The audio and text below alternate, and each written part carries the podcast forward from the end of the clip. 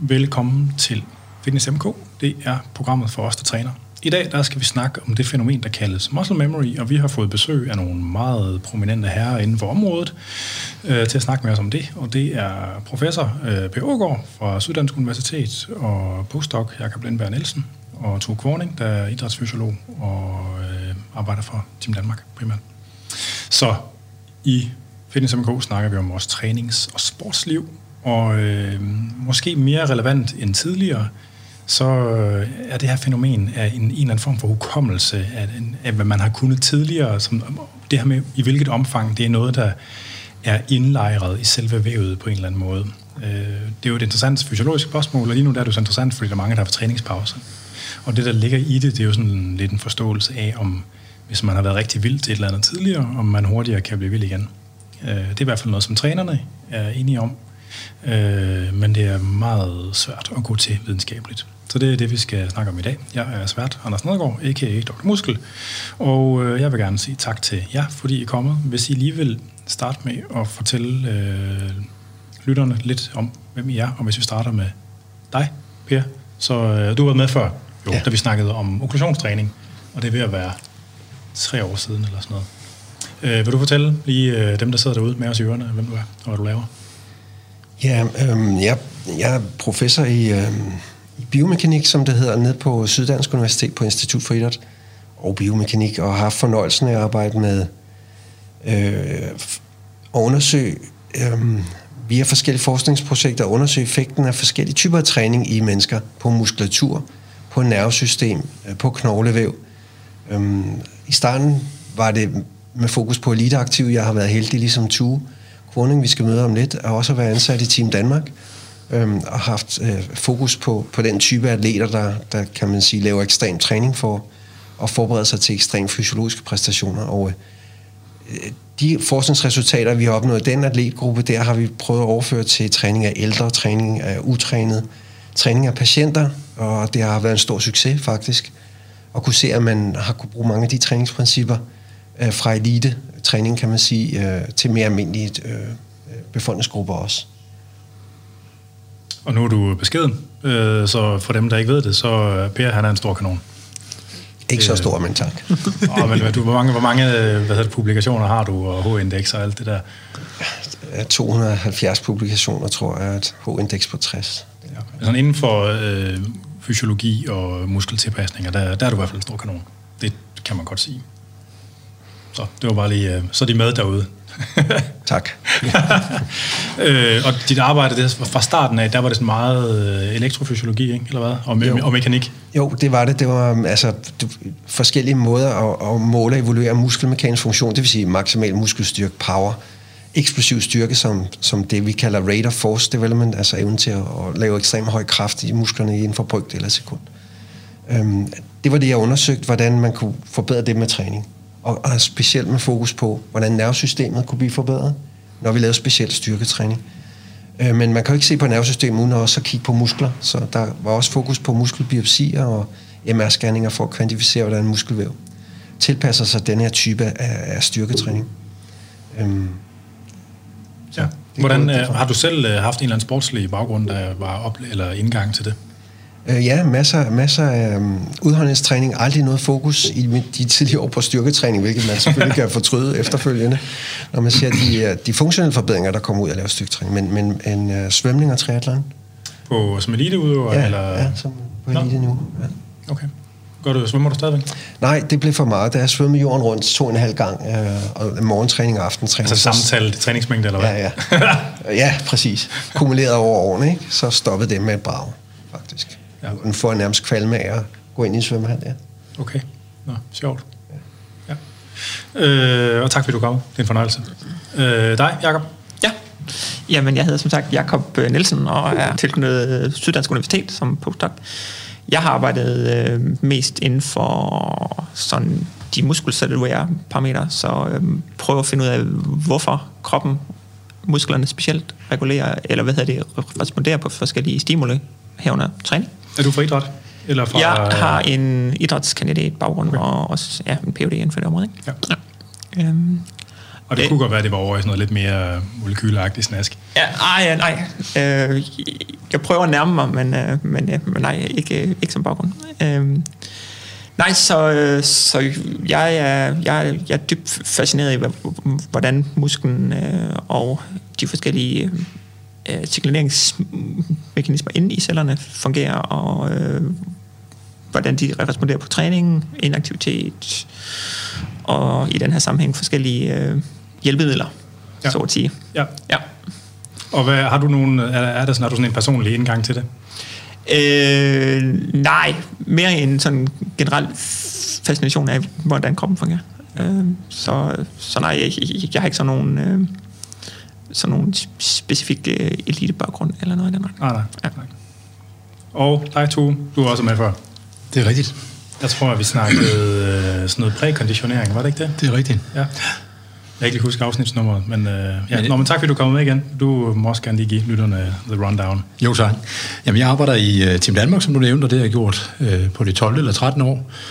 Og før det uh, kom jeg også fra STU, hvor jeg uh, arbejdede med min PhD og inden for muskelmasse, eller hvad der til det skal forklare, hvad skal man sige, hvorfor muskelmassen reagerer på træning, jamen det er måske de mandlige kønshormon i nogle sammenhæng, og det var det, jeg uh, ligesom forsøgte at kigge nærmere på, ved at hæmme udskillelsen af, af testosteron i en gruppe af unge mænd, hvor Jakob blandt andet var forsøgsperson, Nå. så vidt jeg husker. Er det blevet okay? Altså, vil du lige beskrive forsøget, bare sådan, så folk er med Jamen? Jakob har det fint, kan du se. Nej, det er jo lidt enestående, fordi at vi jo netop af etisk komité fik lov til at, at supprimere, som det hedder, øh, testosteronproduktionen. Så vi havde et setup, hvor en gruppe af unge mænd, Som i slå løgene fuldstændig ihjel en periode. praktisk talt, ja. Og det vil sige, at der var en, en produktion tilbage fra Binørebakken, men ellers var det det, kan man Men sige. det er sådan noget, det er 95 procent eller sådan noget, det bliver trykket af, det, ikke? Ja, fuldstændig. Ja. Så øh, den her gruppe unge mænd blev delt i to. Nogle fik øh, placebobehandling, og, og andre øh, fik øh, den behandling, der, der virkede, en GnRH-analog, som så stopper produktionen af testosteron. Og de styrketrænede så i en periode på 8 uger, og vi kiggede så med sådan et, et større testbatteri, både på muskelbiopsier, men også på, på styrke og muskelmasse generelt set sådan globalt, øh, på hvad det betød at fjerne øh, testosteron. Ja. ja. Og øh, det felt interesserer mig meget, og det gør det også i mit arbejde, hvor det nemlig handler om, hvad skal man sige, styrke, eksplosivitet, muskelmasse, men også forskning. Øh, hvordan vi et eller andet sted sådan kan støtte forskning for at få relevant viden til at, at støtte de her elitesportsøvere i Team Danmark regime. ja. Det er, altså, der er jo også bare sådan et eller andet mystisk, magisk over alt det der med androgener, og altså, det er der jo. Jo jo, og jeg ser stadigvæk Pumping Iron med Anders Schwarzenegger, øh, og den har jeg set mange gange, og hvis du taler om, hvad der et eller andet sted motiverer og interesserer, jamen så er det stadigvæk for mig ja, mytisk og, og spændende og interessant at blive klogere på, hvordan kroppen kan adaptere til træning, og i mine øjne øh, noget af det mest sådan, hvad skal man sige, bombastiske, hvad angår tilpasning til træning. Ja, ja, ja. Men det er også som om, at det fysiologiske spænd på styrketilpasning er større end det er på kredsløbstilpasning. Der er simpelthen flere fold forskel altså i tilpasningsgrad. Vi træder sikkert nogle over tæerne, men jeg er da fuldstændig enig. Altså, man kan godt få en dobbelttøj ildoptagelse, men man kan blive seks gange så stærk, eller altså sådan... Der er nogle interessante perspektiver i det i hvert fald, og øh, skalaen er bred, ja. Ja. Og Det der, altså, ja, det der med den ekstreme fysiologiske tilpasning, det er... Føl, nu, følger I med Strongman? Øh, til tider. Altså nu, jeg ved ikke, altså, men, det, men det er jo sådan, de sidste år, så er det jo gået fuldstændig amok. Altså det der med, at man har strongman-atleter, som vejer 220 kilo. Altså, og hvis ikke man har set sådan en i virkeligheden, så kan man, man kan simpelthen ikke begribe, hvor fuldstændig fucked up det ser ud. Det er så fuldstændig hjernedødt. Altså, at, at der vidderligt er sådan nogle mennesker, der man kunne lave tre almindelige stolte mennesker ud af. Ikke? Altså, der er nogle af de der mennesker, der er så voldsomme, de er jo høje også, ikke? Altså, som er så vilde, at de, de kan helt bogstaveligt ikke gå gennem en almindelig dør, uden at lige, sådan skulle, øh, lige svinge sådan 30 grader til siden. Altså, og de får alle de bolcher, den kan trække. Altså, ikke? og, det man tænker lidt ved, at de er så meget voldsommere nu, end de er for 15 år siden. Altså jeg ved godt, der er flere, der laver strongman og sådan noget, men det er svært lidt at tænke på, om det ikke også de, og har noget at gøre med, at de har adgang til nogle andre ting og fyrer den mere af. Men altså, fordi de fyrer den meget af, det ved jeg. Der er et aspekt af mod i den sammenhæng også. Ja, ja, ja. Øh, jeg er nødt til at spørge, var, var du, Jakob, var du i kontrolgruppen, eller var du i uh, interventionsgruppen? Um, når man kigger på min overarm, så skal man tro, at jeg var i øh, interventionsgruppen, men jeg var faktisk i kontrolgruppen. så, Og det var bare meget sjovt, hvordan det subjektivt øh, føles, det der, ja. at høre det, men øh, det er ikke... Altså, jeg var overbevist om, at jeg var i interventionsgruppen, for jeg var helt slået, men, men det var nok mest mere den der meget strukturerede styrketræning og tidligt op om morgenen, der, der gjorde udslaget. Ja, okay. Ja. ja. Jamen, og tak fordi I kom i hvert fald. Øh, en del af rammen omkring det her, det er jo også, at I er i gang med et øh, videnskabeligt forsøg, øh, hvor at øh, jeg meget gerne vil bistå med at krasse nogle forsøgspersoner ind, øh, og hvad jeg ellers kan bruges til.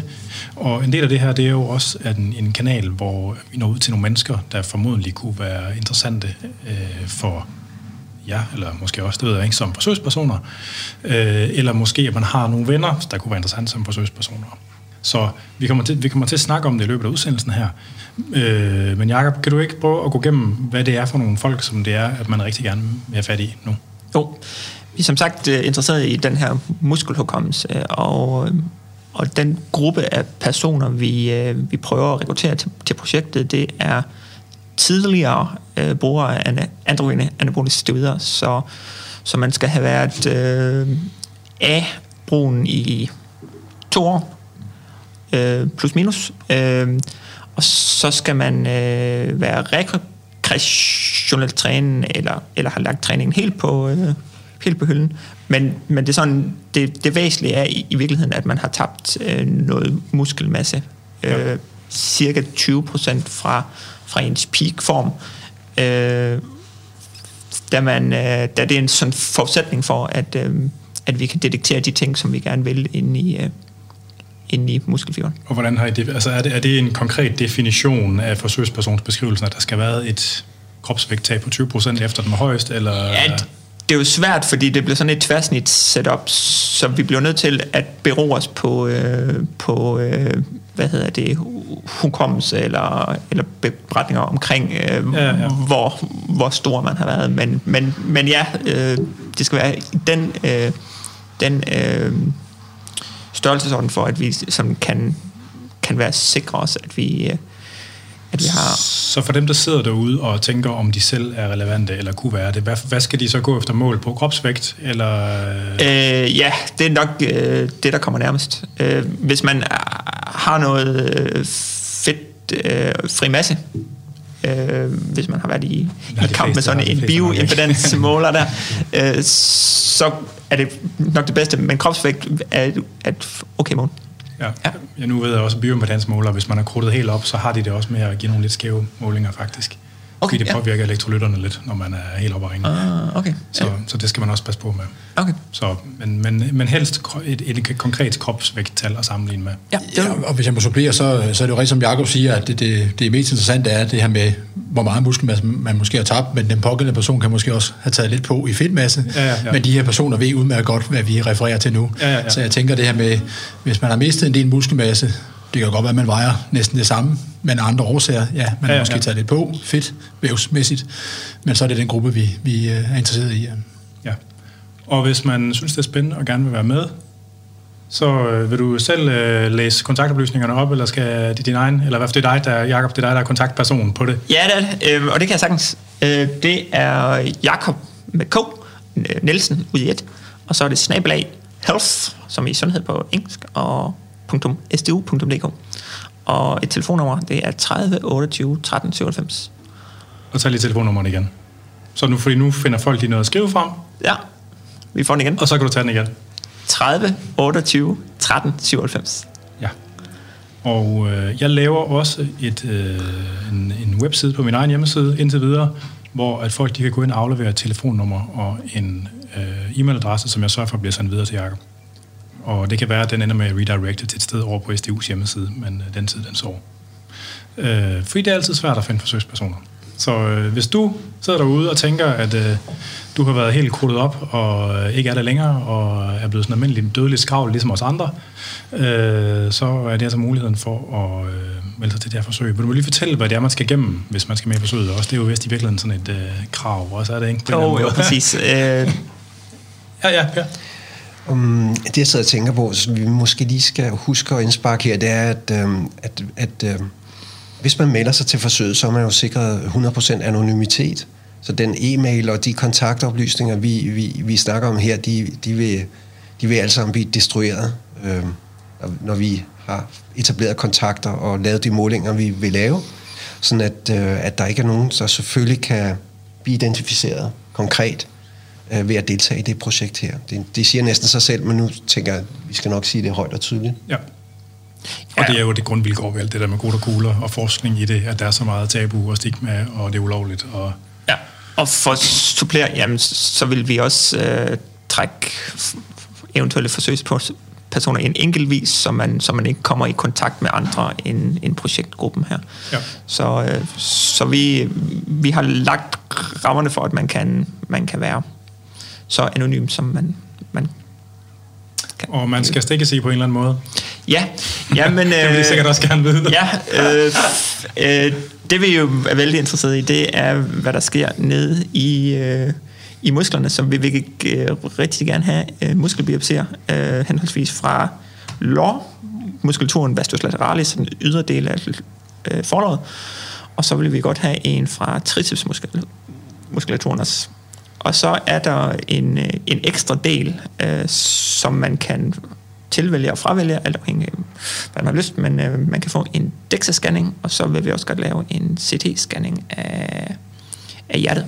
Og DEXA-scanning, det er jo så en, man normalt bruger til knogletæthed, men som giver oplysninger om kropssammensætning. Lige præcis. Så man ved meget fedt af muskel, man har. Lige præcis. Masse, øhm, ja, præcis. Så what's in it for me? Så det Jacob han jo egentlig læste op her, det er jo netop, at man jo et eller andet sted også får noget interessant viden øh, på nogle områder, som måske et eller andet sted bliver påvirket af, af anabolisk steroider, og man kan få en status øh, på noget, som bliver påvirket. Og det tror jeg også er, er noget, der kan give en, hvad skal man sige, øh, som er en relevant viden, og, og hvordan man skal gebære sig fremadrettet. Ja. Hvor, hvor meget tid skal man regne med at kunne bruge på det som forsøgsperson? Er det en enkelt dag? Eller? Øh, hvis det er... Øh biopsierne, så øh, kan det gøres på omtrent en time. Der følger lige et spørgeskema med, fordi vi har brug for at vide lidt omkring, øh, hvad for en form for træning man har lavet osv. Men en time til halvanden. Øh, og øh, hvis vi skal have, have hele pakken, inklusiv DEXA og, øh, og en CT-scanning, så vil det nok tage 3,5 timer. Ja. Og jeg kan sige, at det der med muskelbiopsier, det er ikke så slemt, som det lyder. Jeg har fået taget 15-18 stykker. Og jeg tror, jeg har fået taget 8 på en dag, ikke? og der kunne jeg alligevel godt spille fodbold dagen efter, så værre er det heller ikke. Men det føles dramatisk. Ja. Men det går ikke så ondt i virkeligheden. Ja. Øh, ja, det var, det var introen. Øh, hvis folk har spørgsmål til nærværende eller tidligere programmer, så kan man selvfølgelig gøre det, og øh, det kan man øh, skrive til. Man kan skrive på min mail, der er afn eller på programmets Facebook-side øh, så skal jeg gøre, hvad jeg kan for at svare. Så øh, hvis vi skal tage sådan til hul på dagsordenen, øh, synes, der starter med dig, Per. Hvis man sådan formelt skal definere muscle memory, øh, hvordan vil du så mene, at øh, man gør det? Hvad er det, vi snakker om, det hvis kan man, man skal sætte det i sådan et... Man kan definere det på mange forskellige måder, men hvis jeg skal prøve at gøre det på en praktisk måde og meget kort måde, så tror jeg, at øh, jeg vil tage eksempel med en person, der har lavet meget styrketræning, eller meget, en træning i det taget. Nu har vi fokus på styrketræning i det her tilfælde. Øhm, men har lavet meget styrketræning tidligere i livet, øh, og så begynder vedkommende at, at styrketræne igen efter måske et halvt, helt eller halvandet års, års pause. Og oplever så, at øh, hastigheden, hvor man bliver stærkere og øger muskelmassen på, går væsentligt hurtigere end øh, folk, der ikke har lavet styrketræning før eller første gang, man begyndte at lave styrketræning. Så man har sådan et accelereret øh, træningsforløb, nu vil jeg ikke sige genoptræningsforløb, men retræningsforløb sammenlignet med første gang, man lavede træning, eller da man startede som øh, mere uerfaren, øh, for eksempel styrketræning her. Så man kan sige, en øget øh, responsivitet til den træning, man laver, det er det, man opsamler med, med den her muscle memory, groft sagt. Det, det er det, man oplever i hvert fald. Ja, ja. Og du, sådan, for du har jo haft meget, meget at gøre med elitesportsfolk. Kan du, kan du komme med sådan nogle eksempler, som vi har set med folk efter skader, eller øh, barsler, eller hvad fanden ved jeg?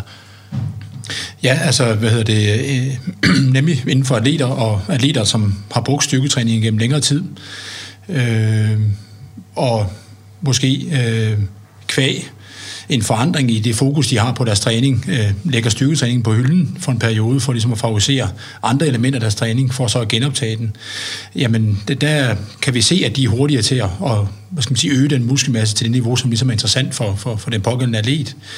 Øh, og det ligger måske også som en mulighed for dem. De er bekendte med, at de kan genoptage den her muskelmasse eller styrke hurtigere, så når de periodiserer deres træning og så videre, jamen så er det også med, hvad skal man sige, hensyntagen til, at vi har været der, og jeg ved, jeg kan gøre det der på, lad os sige, i det her tilfælde, bare for at slynge tal ud, fire uger for eksempel. Ikke? Hvorimod, at hvis personen aldrig har været øh, deroppe før, så vil det måske tage det dobbelte for ligesom at erhverve sådan en muskelmasse. Ja. Øhm, og jeg vil også gerne åbne ballet, øh, som når man færdes, eller gjorde, i dørmandsmiljøer, og der, hvor der var brugt andre medicamenter end, end i det arbejde, jeg har i, i Team Danmark. Og kreatin. Ja, og kreatin. Jamen, så var det jo særdeleshed det her med, at man jo måske havde trænet sammen med en, en, en person, ikke? og personen var måske helt oppe i den liga, der, der hedder plus 120 kilo, øh, og ja, ikke muskelmasse, nej, men med lav øh, fedtprocent. Og striber, kan man sige. Og pludselig så er den person øh, ude af, af den her øh, klub, og man ser ikke ham længe. Og han øh, vender tilbage en dag og har lyst til ligesom at genoptage sin styrketræning. Og øh, hvad skal man sige, har tabt sig. Øh, apropos det, som øh, Jakob sagde, som er en krav før. Og han begynder så at træne og påstår hårdnakket, at han ikke bruger nogen anabole steroider eller andre, hvad skal man sige, dopamedicamenter. Men han eksploderer kraft, jeg skulle lige til at sige kraftedeme. Det må gerne. Med os der, der er blevet sagt meget øh, gerne ting. Og øh, hvor kommer sådan noget fra? Ikke? Og det var jo for 10-15 år siden, at jeg gik sådan og undrede mig over sådan noget der. Ikke? Ja. Og så begynder ligesom at komme nogle indikationer på, at der måske er noget om snakken. Og vi skal også huske på, at det tog måske videnskaben 30 år efter at vise, at anabole steroider faktisk virker rigtig, rigtig, rigtig, rigtig, rigtig godt. Ja. Og måske tager det også 30 øh, år fra nu og, og påvise, at der faktisk er noget omkring vores memory. Men lige nu er det måske mest sådan på, på dyrestudier, man kan, man kan se effekten. Ikke? Ja. ja, og det er jo, øh, ja, det er jo en af udfordringerne. øh, nu, nu, nu rammen der, det er jo meget sådan noget, der handler om sådan en, en, en, en hukommelseseffekt i forhold til muskelvækst og styrketilpasning og sådan noget. Hvis man kigger over mod altså sådan med, metaboliske tilpasninger, en cykelrytter, cykelrytterben, de er jo ikke nødvendigvis kæmpe store, man har sygt mange mitokondrier og glykogenlæring og sådan noget. Altså i, i hvilket omfang er der sådan helt praktiske, empiriske observationer på, at de har sådan en kommelseseffekt på den slags ting? Jamen, Mathias Wernbom, som ikke er hvem som helst inden for sådan et område her, han sagde til mig en dag, hvor jeg var oppe og besøge om i Sverige, at... Og kendt svensk øh, forsker for det, at, at, øh, han mente jo nok, at vi skulle lede andre steder end lige omkring satellitceller og, øh, hvad skal man sige, cellekerner. Han tror ikke, det var en ting? Øh, han, jo, han tror også, at vores memory ligger i andre elementer, øh, som kunne være relevante at kigge på. Ja, altså men for, i forhold til andre typer af tilpasninger også. Ja, han, han vil også brede det bredt, altså at, at øh, inden for, for, hvad skal man sige, den elite-træningsverden, der tror jeg, at man bruger det begreber meget. Ja. Også som noget, der er koordinativt, øh, koordinationsmæssigt, kan man sige. Ikke? Ja. Men, men, men, men som begreb lige nu i forskningen, der handler det jo i udgangspunktet om muskelmasse, men jeg tror også, der er en neural dimension, og, øh, men det er jo, hvor, hvor holistisk man ønsker at være, kan man sige. Ikke? Jo, jo. Og, men også tilbage noget... til det metaboliske der, øh, lad os sige, det, det aerobe øh, område i forhold til en cykelrytter, mitokondrieniveau øh, osv. osv. Jamen, jeg vil ikke lægge ud på bloggen og sige, at man ikke kan finde lignende mekanismer der. Nej. Og, og også noget som hjertet, jo, hvor der sker meget udtalte tilpasninger for kredsløbsatleter. Altså, men det ved jeg ikke om... Jeg, jeg har ikke selv stødt på noget nogensinde. Men spørgsmålet om hjertet er så plastisk som, som musklen, selvom at jeg ved godt, at hjertet er en muskel, så... Det går nok langsommere, men... Måske, ja. ja. Øh, og, og måske er det mere udtalt på muskelniveau, fordi at musklerne som sådan er plastiske specielt hvad angår hypotrofi, ikke? Og, og mange af de tilpasninger, der ligger til grund for det. Ja. Så der er ikke, der, så der er ikke sådan i samme omfang, hvad kan man sige, praktisk, empiriske øh, betragtninger ud fra atleterne på, på den slags markører. De er selvfølgelig også, de er selvfølgelig også svære at måle. Det er jo ikke lige så, øh, hvad kan man sige, visuelt, altså kosmetisk synligt som muskelstørrelse. Inden jeg tiger stille, så vil jeg sige, at, at, at, at det er i hvert fald et, et, et, et et samtaleemne, som dukker op i arbejdet med atleter og trænere, ja. øh, og hvor det, det bruges lidt mere løst øh, end det, som vi definerer det som i dag, nemlig på muskelmasseniveau, kan man sige. Ja. Hvad, øh, Jakob, hvorfor, hvis du skal sætte ord på, hvorfor er det videnskabeligt interessant overhovedet? Hvad er det, hvad, hvordan vil du så, øh, hvad er det for en brugbar oplysning, man kan forvente at få ud af det? Ja, nå, men øh, den er svær. On the spot. Øh, men jeg tager den. Øh, nej, altså, der er to aspekter i det, synes jeg. Der er sådan en praktisk aspekt, øh, det vil jeg godt lige vende tilbage til, og så er der sådan det der mere sådan grundforskningsaspekt. Hvorfor, eller hvordan fungerer vi nede på cellulært niveau, og, og hvad kan man forvente. Øh, og der, øh, der er de der, den der grundlæggende forståelse for, hvordan musklen øh, fungerer, øh, jamen den kan, øh, den kan lære os ting omkring, øh, hvordan vi skal tilpasse vores træning og, og få det, det højeste udbytte af den, de stimuli, vi vælger at, at præsentere kroppen for. Øh, det er det eneste. Og så er det, eller en aspekt, og så er det andet, som er mere praktisk, det er, at øh, sådan her, rent konkret, når vi snakker doping, så er dopingmyndighederne jo vældig interesserede i den her problemstilling, fordi at hvis man øh, får hjælp i form af testosteron eller anden doping, jamen så, så får man den her karantæne, og hvis den er, og hvis vores, den her iboende hukommelse i muskelcellerne var ud over karantænen, jamen så har man jo, jo hjælp øh, bagudrettet, og, og det, det er man meget interesseret i at at prøve at afdække, hvor, hvor, hvor, hvor lang de her karantæner skal være. Og så øh, sådan mindre elitært, jamen så, så øh, er det også interessant øh, sådan på, hvis vi kigger sådan aldringsaspekter, hvis man har været trænet på et tidspunkt, jamen så vil man, hvis man har den her iboende hukommelse, jamen så vil man også kunne, kunne træne sig hurtigt op, øh, eksempelvis efter en operation, hvor man har ligget stille i en periode og har tabt meget muskelmasse. Ja. Så hvis vi ved, hvordan man, øh, man, man underbygger bygger de der mekanismer, jamen, så kan man potentielt også, øh, også fremme, fremme de, øh, de adaptationer, som man, øh, som man gerne vil, vil i, i forskellige grupperinger. Ja. Når, når, I nu, når forsøget nu er designet, så er der nogle bestemte sådan mål, man, sådan molekylære biologiske mål, man gerne vil måle på, som repræsenterer nogle forskellige mekanismer. Ja. Kan du øh, let låget lidt på, hvad for nogle mekanismer øh, I har indledningsvis ligesom har troet, det er, der er i spil? Ja, altså øh, sådan historisk set, så har man, så har man accepteret, at, øh, at, øh, at man har de her øh, muskelcellekerner, som, som ligger inde i muskelfiberne, Ja, så, så muskelfiber, det er den sammensmeltede øh, syncytier af en masse præmuskelceller, der er smeltet sammen, så en muskelfiber har tusindvis af cellekerner. Præcis, ja. ja. Bare så folk er med derude. Ja. Så man kan se, at de ligger som nogle striber, ligesom sådan nogle uh, futtog nærmest ind i. Præcis. Og, øh, og de er ligesom grundlaget for, at vi, vi overhovedet laver muskelfiberkapactet. Øh, så der i ligger vores, øh, vores arvemasse, vores DNA, og, øh, og det er grundlaget for, at vi overhovedet kan lave muskelproteiner. Øh, og øh, sådan tilbage i tiden, jamen der har man accepteret, at hvis man, øh, hvis, eller hver muskelkerne sådan dækker et areal, eller laver, laver muskelproteins opskrifter til et givet areal af en muskel, eller et, et givet volume, vil nok være mere præcist. Og, øh, og hvis, man, hvis musklen så bliver større, jamen så har man brug for flere kerner, fordi at øh, de kan kun dække et vist volume, de her øh, de her muskelceller kan, kan altså bidrage med, med et x antal opskrifter øh, på proteiner. Øh, og, øh, og i den anden vej, hvis man så taber muskelmasse igen, så har man, så, så har man behov for mindre kerner, og så går, undergår de apoptose og dør. Så det har været den sådan generelle øh, øh, accepterede teori på, på området indtil for ja, det vil ved at være 10 år siden, hvor... Øh, jeg har et indskud her også. Ja. Altså, der har jo lidt været sådan, i det, sådan, det fysiologiske miljø, der har været sådan en pågående debat, om det var proteinsyntese eller tilføjelse af de her myonuclei, der sådan var det vigtigste for at kunne få rigtig store muskler. Præcis. Og der har været nogle forskellige folk, der har haft en, øh, der har fægtet lidt med deres tissemænd i den, i den sammenhæng. Øh, så helt, upo, helt uden for altså konceptet af muscle memory, så er der nogen, der ligesom har, har diskuteret relativt intenst, om det var proteinsyntese, der var vigtigst, eller tilføjelsen af muskelcellekerner. Præcis, ja. øhm, og der var, de, de er vist ikke blevet helt enige endnu. Nej, det tror jeg ikke. Hvis jeg, øh, og, øh, og der er øh, studier, der underbygger begge retninger. Det ser ud som om, at, øh, at kernerne de er mindre vigtige, hvis man, hvis man får forskellig hjælp. Øh, der er en del dyrstudier, der har, der har lavet sådan nogle, øh, øh, sådan nogle hyperfysiologiske modeller, øh, som de, de giver insulin growth factor 1 som et eksempel, som, som, som ligesom stimulerer proteinsyntesen markant.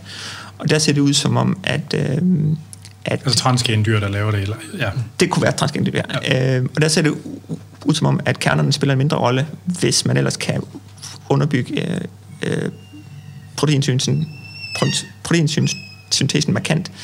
Øh, og så andre studier viser, at hvis man slår satellitcellerne ned, som, som, som ligesom ligger til grund for, øh, at man kan tilføje muskelcellekerner, øh, så, så kan man også hæmme øh, øh, muskelvæksten den vej. Ja, ja. Så, så der er studier, der bare peger i begge retninger. Ja. Fra mennesker ser det ud som om, om at, at kernerne, de, de spiller en rolle, men hvor stor den er, det er, det, det er ikke helt til at sige nu. Så det er jo det, det, er jo det der kaldes myonuclear domain, eller myonuclear ceiling theory, hvis man gerne vil uh, gå på Google ja, præcis, og ja. læse lidt mere om det. Jeg tror, det var, det var, det var Cardi eller sådan en, der startede med det, tror jeg. Var det ikke det? Jo, det er vist. Fosse Cardi, der, ja. der startede der i omkring 2000. Hvis man kigger på mennesker, altså med det her, altså, så myonuclear domain, det er jo mængden mellem muskelvolumen eller tværsnit, hvis man kigger på biopsier og antallet af muskelcellekerner. Hvor stor varians er der imellem mennesker? Hvor måler det? Ja, med over, overraskende stor. Altså, jeg tænkte nok, det er det fandme altid. Ja. og responders vs non-responders er jo også noget, der ja. kan drages ud af det der. Men er der en sammenhæng mellem altså myonuclear domain, altså hvor meget øh, muskel hver cellekerne kan vedligeholde, og respons? Nej, jeg tænker på antallet af cellekerner, i hvert fald med til at definere øh, i nogle studier, det man kalder ja, responders. Ja. ja. ja. Ja, jeg, så potentialet. ja, ja, ja. ja. Øh, altså, så det, det hører med til historien, ligesom at muskler, de har den her, det her reservoir af stam, sådan nogle muskel, delvis differentierede muskel, eller delvis differentierede stamceller, der hedder satellitceller, der ligger lige uden for muskelfiberen, men øh, øh, inden under basalmembranen. Så de, de ligger virkelig klistret op af, og det tyder også på, at der foregår en eller anden kommunikation men satellitcellerne er for alle praktiske formål primært sådan et reservoir af DNA, der kan swappe ind. De har ikke rigtig noget stofskifte i sig selv, sådan for alvor, som jeg forstår det i hvert fald. Øh, og det er jo så dem, der kan dele sig, og så kan, når de deler sig, så kan den ene swappe ind og blive en øh, ny cellekerne, og den anden den kan måske falde i søvn igen og blive til en, ny, blive til en satellitcelle. Ja. Altså sådan, så man har sådan et reservoir, det kan fornyes fra. Sådan. Ja. Øh, og man kan oprense dem hver for sig. Ja.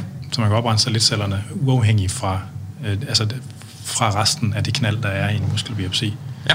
Øh, og en af de ting i forbindelse med det her, som der blew my mind for mange år siden, det var, at, det, at de, der, man har jo haft sådan en opsamling af satellitceller fra øh, øh, på Syddansk Universitet også, fra folk, der var øh, svært overvægtige og diabetiske og normale, hvor man så kiggede på øh, man kiggede på, man kan, så satellitcellerne kan man gro i kultur, man kan ekspandere dem, og så kan man få dem til at blive til sådan noget, der minder om meget tidlige muskelfiber. Ja. Øh, og så kan man måle på dem forskellige måder, hvordan deres mitokondrier, hvordan dele af deres stofskifte fungerer, hvor mange mitokondrier der er og sådan noget. Øhm, og det har man gjort, og det, det er jo det, når man, når man, når man gror og ekspanderer sådan en klon, eller ikke en klon, når man ekspanderer en population af satellitceller, så deler de sig jo mange gange, så den oprindelige, hvad kan man sige, fenotype i satellitcellen, hvis der har været en, altså træk, der var specifikt for den, de bliver fortyndet ud, når de skal dele sig mange gange, for at kunne befolke sådan en hel petriskål. Øh, og så kan man måle øh, glukoseoptag, insulin, insulinstimuleret, eller både basalt og insulinstimuleret glukoseoptag, altså hvor effektive de er til at optage sukker, og man kan måle på, hvordan de metaboliserer forskellige fedtsyre, man hælder på og sådan noget. Og så kan man jo se, at øh, der er simpelthen sådan en gradient fra raske til overvægtige til overvægtige med diabetes, imellem hvor godt deres stofskifter fungerer i de her cellekulturer, som matcher donoren. Ikke? Så en, en, en cellekultur lavet så lidt celler fra en, der er svært overvægtig og diabetisk, vil have et svækket øh, glukoseoptag og fedtsyrestofskifte i forhold til dem for raske. Og det er jo en hukommelseseffekt på en eller anden måde. Ikke? Fordi, mm, den er, fordi, fordi at, kan man sige, hvis der var et eller andet protein, der sovsede rundt i de der celler, som øh, var med til at signalere, at nu er vi i en høj energitest eller lav energitilstand, eller der er en eller anden, hvad fanden ved jeg, sådan noget. Ikke? Den er blevet fortyndet så meget, når cellerne, altså cellerne har delt sig. Ikke? Så det, den første gang, jeg så det der, der var min mind, den var blown. Altså, øh, og så så jeg, at der var nogen, der har lavet det på udholdenhedsatleter også, hvor man faktisk skal vise det modsatte. At der er et forstærket basalt glukoseoptag, som jo er det samme som det, man ser i musklerne på udholdenhedsatleter. Ikke? Ja. Øh, og det, det, da jeg så det, der var min mind altså blown, at, altså, at, at wow, altså, men, men det er jo så, det er jo så som man er over, det er jo den metaboliske øh, afdeling, kan man sige. Ja, det er jo det med størrelsen af bulerne, vi er interesseret i. Ja, ja lige den her sang, ja. ja, ja, sorry. Uh, ja, det, var, det var et meget langt rant, uh, men da jeg så det, der min hjerne var fandme blown. Altså. Ja, nå, men, men det er jo øh, fantastisk, at, øh, at, der, at, at de på celleniveau kan, kan huske, hvad de er blevet udsat for på måske organismeniveau. Ja. ja. Så, så hvad for nogle, så nu jeg kommer selv til, til, selv til at aflede øh, lidt, øh, så hvad for nogle mekanismer sådan på molekylærbiologisk niveau? Er det, I, I måler jo nogle forskellige øh, genaktiviteter ved at formode, og øh, mængden af nogle proteiner og øh, RNA-transcripts og sådan noget. Så, så hvad for nogle ja. veje er i spil? Ja, men, men det var den her kerne, kerne ting, vi kom fra. Altså, ja. at, øh, at øh, de her nordmænd for nogle år til, tilbage, de, de fandt ud af, at måske forsvinder de her kerner ikke, når vi, øh, når vi taber muskelmasse. Så, så det ser ud som om, om, at når man... Kan du beskrive det forsøg? Ja, det kan, ja, det kan øh, Altså folk er med på, hvad lavet, det er. Lavet to studier, som, som ligesom peger den samme retning. Men, øh, det er Gunnarsen, ikke? Jo, ja. Gunnarsen-gruppen der. Øhm, og det seneste, det er, øh, hvor de har givet nogle, nogle kvindelige mus noget testosteron. Og så, øh, så drøner de der ud af på muskelmasseparametrene, og øh, så, så tager de øh, testosteron fra dem i en periode, og så vender de egentlig tilbage til deres udgangspunkt, så, øh, så, så bliver de de små mus igen. Men, øh, men det ser ud som om, at de her kerner, de bliver bevaret, så, øh, så de har i virkeligheden et over, overskud af kerner, så øh, mindre muskelvolume per kerne. Ja. Øh, og så har de øh, lavet den interessante ting, at de begynder at styrketræne dem. Og så de her mus, der, der har det her overskud kerner, det, de, de eksploderer. De, øh, det går simpelthen hurtigt frem. De har en accelereret tilpasning muskelmæssigt til, øh, eller muskelmassemæssigt til, til træning. Ja. Så, øh, og det, øh, det indikerer, at, at de her kerner måske er involveret. Altså, der er ikke sådan nogen årsags-effekt sammenhæng den kan de i hvert fald ikke underbygge, men, øh, men de har en, en klar hypotese om, at, at det her overskud af kerner, altså at, at man har grundlag for at kunne øh, lave mere transkription, altså lave øh, proteinopskrifter fra DNA-materialet. Øh, og, og hvis det er en flaskehals, jamen, jamen så, så, så er det selvfølgelig øh, interessant at have mange opskrifter. Jo, og hvis vi sådan lige skal lave en sløjfe, så, så det, der er interessant her, det er jo, at hvis den her hypotese, som fremlægges, at den holder, hvis den kan eftervises i mennesker, øh, jamen så er det noget, almindelige mennesker, som ikke har brugt, hvad skal man sige, anabole videre, det, det, er en, det, det er en mekanisme, der også gælder for dem, men den accelereres, den potentieres af øh, anabole videre, øh, og bliver mere udtalt, kan man sige. Ikke? Øh, og derfor tilbage til det der med, hvorfor at, for eksempel at WADA, World Anti-Doping Agency, er interesseret i at blive klog på, om der er noget om snakken. Jamen det kan have betydning for den karantæne, som man skal i, hvis man er testet positiv for eksempel. Ikke? Ja, ja.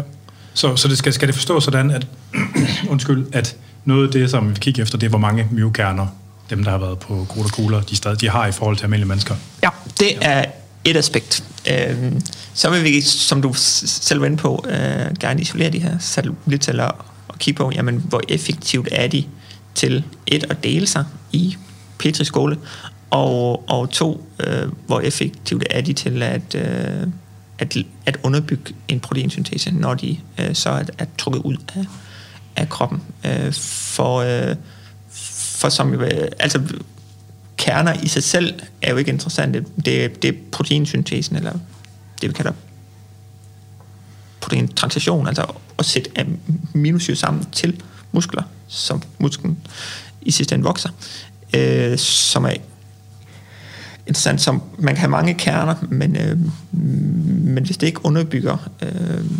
endemålet muskelvækst, jamen, jamen så, øh, så er det ikke nødvendigvis interessant. Så, øh, så hvis vi kan, vi kan tage de her celler ud af, ud af øh, eller isolere dem fra den, øh, de muskelbiotier, vi trækker ud, og så, øh, og så vise øh, isoleret set, at, at de potentielt er bedre til at lave øh, protein, når vi så øh, har trykket ud. Jamen så, så lidt i samme dur som det studie, du nævnte med ud holdhed, jamen så, så, så kan vi underbygge, at der er sådan en iboende, øh, ibo, øh, Hukommelseseffekt. Ja, ja, hukommelseseffekt, ja, ja, præcis. Yes. Ja, ja. Øhm, så der er helt klart et cellulær basis for at påstå eller forvente, at der ligger en muscle memory effekt, og det har, det har at gøre med cellekerner, tror vi. Ligesom den norske gruppe, der er et bidrag der. Der er også andre komponenter, jeg er sikker på, at vi kommer til at snakke om det øh, med Anders hjælp om lidt, lidt senere omkring epigenet, mulige epigenetiske ændringer også, som kan bidrage ud over det, vi snakker om her. Men jeg tror, det er vigtigt at understrege, at den her effekt, den sker også, når man laver helt almindelig styrketræning. Øhm, for de fleste mennesker, specielt unge mænd og kvinder, op til en vis alder, så, sker, så ser vi en, en 20% øgning i antallet af, af de her stamceller, muskulære satellitceller, som vi kalder dem. Ikke? Og, og eftersom en del af dem donerer cellekerner, ser vi også typisk, ikke altid, men typisk, øh, en opregulering af antal cellekerner også, som effekt af 3 til 6 måneders tung styrketræning. Det er et almindeligt fund. Det, der er interessant, det er, når der er anaboliske steroider involveret samtidig med træning, eller faktisk i dyreforsøgene helt uden træning, så ser vi en ekstrem opregulering i antallet af Mere udtalt end med træning. Ja, ja, ja. Øhm, eller med træning alene, ikke? Ja. Så et forstærket øgning og en forstærket øgning af antal øh, øh, cellekerner. Hvor meget større? Ja, I hvert fald 100% højere. Måske, når vi, der er lavet enkelte forsøg på, på believe it or not, mennesker øh, i USA nogle år tilbage, hvor de i sådan en dosis afhængig øh, forsøg kan demonstrere så meget øh, testosteron øh, altså de her unge mænd i de 12 uger, de, de så ikke styrketræner, øh, sammenlignet med 600 mg, 300 versus 600 mg om ugen, det giver simpelthen dobbelt så meget, dobbelt så meget. Ja, der er dosis respons sammen. Ja, fuldstændig. Helt lineær- lineær. lineær Ja, dosis respons. helt, helt fuldstændig. Den er snorlig. Ja, snorlig, at man kunne have tegnet den der streg med sin egen lineal, faktisk. Øh, Og så kan man ellers bare ekstrapolere op til 900 og 1200 mg, som er måske mere Those are rookie numbers. We gotta bump up those numbers. jeg vil Så- sige, det, det vildeste, jeg har hørt, ja. det er 1000 mg om dagen. Ja. Så, og der er simpelthen en lineær sammenhæng der med, hvor mange flere cellekerner man kan få. Men min pointe er, at vi starter med, at, og den effekt udnytter vi i det små med traditionel styrketræning. Ja. Det interessante er nu, at nogle af de forsøg, vi har lavet os og, med, med Jakob som primus motor tilbage, øh, nogle år tilbage, er stadig laver med okklusionsstyrketræning, altså den her træning med afklemt blodflow, øh, hvor der bliver iskemi i musklen samtidig med, at man træner, der ser vi faktisk en opregulering i antal satellitceller og cellekerner, som også begynder øh, at manifestere sig i et, en ekstrem grad af hypertrofi på ganske kort tid. Og det, her snakker vi træning, daglig træning, som kan lyde lidt mærkeligt i de, fl- de flestes ø- ører måske, men når vi undersøger den her ekstreme okklusionstræning, øh, fordi vi træner med lette belastninger og gør det dagligt, så er det for at få hvad kan man sige, et ekstrem respons på kort tid. Som forsker, det er interessant. Og der ser vi altså, jeg havde nær sagt, hvad kan man sige, en hypertrofi, der svarer til det, man, man måske ville kunne opnå med testosteronindtagelse også. I hvert fald i det korte tidsperspektiv på 3-5 uger. Ja. Så, så der er en glidende overgang imellem det at bruge anaboliske steroider og det ikke at bruge steroider her, hvor hvad kan man sige, aktivering af satellitceller og, og en erhvervelse af nye cellekerner er et helt naturligt fænomen. Ja. Der er jo altså mig bekendt næsten kun, altså med androgener, sådan er kontrolleret forskning, der er jo mig bekendt næsten kun lavet ting med testosteron. Og, og, og altså steroider, de kommer jo også i, øh, hvad skal vi kalde det, forskellige vindstyrker, hvis vi skal over i Chili Claus-terminologien. Øh, øh, er, er, er, der lavet noget med sådan, øh, de lidt mere saftige ting og sager end testosteron, altså hvor, man, hvor, det, hvor det er sammenlignet på en eller anden måde? Er I nogensinde stødt på det? Ikke hvad jeg er bekendt med, men øh, folklore øh, fortæller netop om, at, at anabole steroider har forskellige, hvad skal man sige, androgene og anabole effekter. Og øh, nogle er mere potente i forhold til muskelopbygning end andre. Og vil måske også af den årsag være mere potente i forhold til effekten på satellitceller og cellekerner. Men jeg kender ikke til studier, hvor man har sådan prøvet at eftervise den her medicinske effekt, som det anabole steroid kommer med fra producenten hvis det er medicin sådan fremstillet. Det kan jo også laves andre steder. Jo, jo, altså, men det, er jo, det er jo specielt, fordi altså, nu det, som man normalt betragter som det hissigste, den, den vindstyrke 10 i stedet, det er jo trenbolon.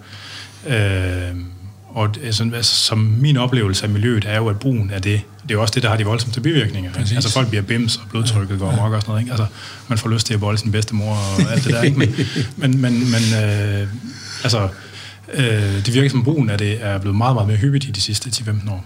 Øh, og der man kan sige, i in vitro-studier, der altså, hvor man kobler endogenreceptoren på et eller andet lyssignal, der er det jo fem, altså det ud til at være fem gange så stærkt. Ikke? Mm. Øh, Og det, og det kunne bare godt være, fordi det, det virker som, at brugen af trenbolon er blevet virkelig udbredt i forhold til, hvad det var for 10 år siden. Det ville bare være virkelig interessant at vide, altså, hvordan det ser ud i forhold til. Altså fordi man bliver rigtig, rigtig, rigtig vild med det. Mm. også i forhold til testosteron. Jo, altså jeg er ikke bekendt med det, øh, og jeg mener også, at det er sådan en grundregel, at jo, jo stærkere den anabole side er, jo større er den androgene side, det vil sige, med, med, så, de, så graden af bivirkninger følger faktisk, øh, hvad skal man sige, øh, den potente effekt på, på, på muskelmassen. Kan man sige. There is no free lunch. No. Nej. Og i øvrigt, nu der, der er kommet den her nye eller, klasse af lægemidler, øh, der hedder SAMR, som jo altså, står for selektiv androgenreceptor modulator, modulator som jo er en... Nå, nu er politik på spil. Øh, som jo er en måde at, øh, at lave anabole steroider på, som ikke er steroider. Bortset fra, at nogle af dem alligevel er steroider. Men så kalder man dem det bare for at undgå alle de negative associationer, som der er til anabole steroider. Er folk, og, og brugen af, og, i, i miljøet af folk, der bruger krudt og kugler, der er der jo sådan en vedholdende myte om, at det er, og det er fordi, det er nyt og mystisk og magisk, så folk ved ikke helt, hvad det er. Men der er sådan en myte om, at det er uden bivirkninger og puha, og det er, det er så løgn og latin. Men hvis nu man er en af dem, der sidder og overvejer det her med at være forsøgsperson, vil brugen af selektiv, altså samer, vil det også være, øh, øh, hvis man er blevet stor med dem, er det også okay i forhold til brugen øh, som forsøgsperson? Øh, Det vil jeg, jeg, jeg vil gætte på det, fordi at, at, at et eller andet sted, så har du jo receptoreffekten, øh, og, og det vil sige, hvad der foregår derefter, øh, er vel i praktisk talt det samme. Ja. Øh, Det var bare for at få det... ja, så mit gæt, og du må endelig supplere, Jacob, øh, men mit gæt vil være, at, at det vil være ligegyldigt. Øh, og hvis vi sådan øh, er lidt ydmyge i forhold til, hvad, hvad vi kan få ind som forsøgspersoner, så vil jeg i udgangspunktet i hvert fald ikke øh, udelukke dem. Nej. Ja, Der er måske det lille forbehold, at vi med meget stor tydelighed, at testosteron opregulerer ganske effektivt antallet af cellekerner. Og høje doser giver ekstrem opregulering. Det ved vi fra mennesker og dyreforsøg. Vi ved, at den opregulerede antal af cellekerner fra dyreforsøgene kan holde sig i rigtig lang tid. I de her museforsøg, som Jakob snakker om, øh, er jeg sikker på, at de har sendt deres data ind først. De holdt tre ugers pause, hvor de fra de stopper med at få steroidindtagelser, til de begynder at træne deres, øh, deres øh, stakkels mus, han har sagt. Men øh, der har de fået videre af reviewen af, hey, den der er meget kort periode, I holder pause. Må ikke der stadig cirkulerer noget testosteron? Og så inkluderer de nogle data med 11 ugers pause. Øhm, det svarer i menneskeliv til måske, eller menneskeår måske, hvis man regner om, en mus lever i 20 måneder, og en menneske lever i 80 år, ikke? Ja. Øhm, så det er måske 10 år faktisk, 10 års pause i menneskeår, de holder der, og kan stadig se en accelereret og forstærket hypotrofirespons ud fra den tidlige episode med testosteron. Vi ved ikke, om de stoffer, du snakker om, har den samme effekt. Nej, og det der så er spændende, også for at, at starte lidt op under diskussion, det er jo så, hvad, hvad, hvad styrer den her opregulering af, af cellekernerne? Er det styret af, af, af muskelmassen, eller er det styret af, lad os sige, testosteron i sig selv?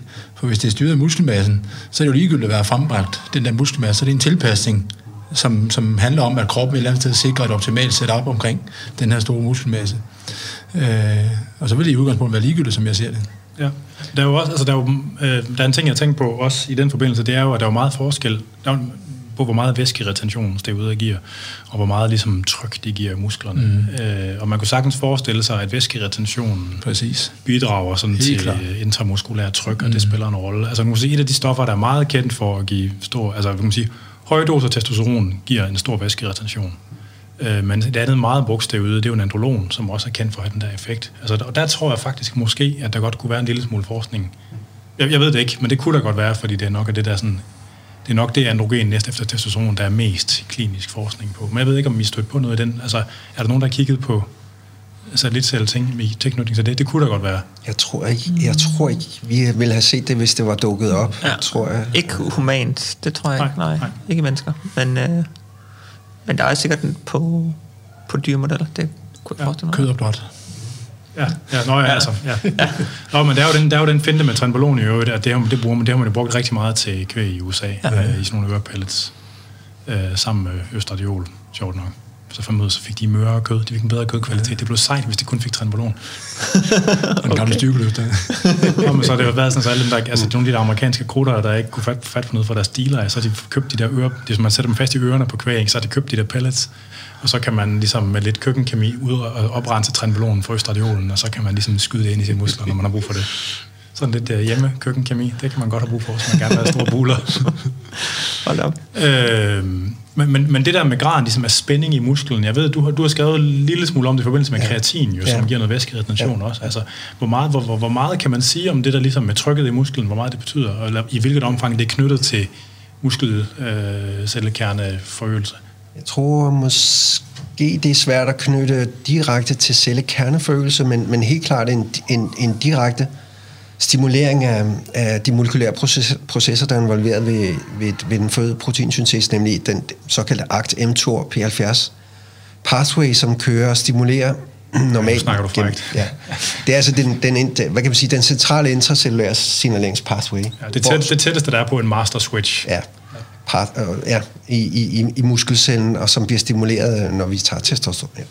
Når vi tager IGF-1, når vi tager IGF-1, men ikke testosteron, ja, den er faktisk testosteron Det- det er uafhængig. Ja. Men i den her sammenhæng vigtig øh, via det, vi kalder mekanotransduktion. Så hvis man begynder at hive i cellen, udvide den på grund af væskeretention, så aktiverer man mange af de her såkaldte mekanotransduktorer, som er proteiner, der går tværs igennem membranen ned i cytoskelettet, ned i sætbåndet.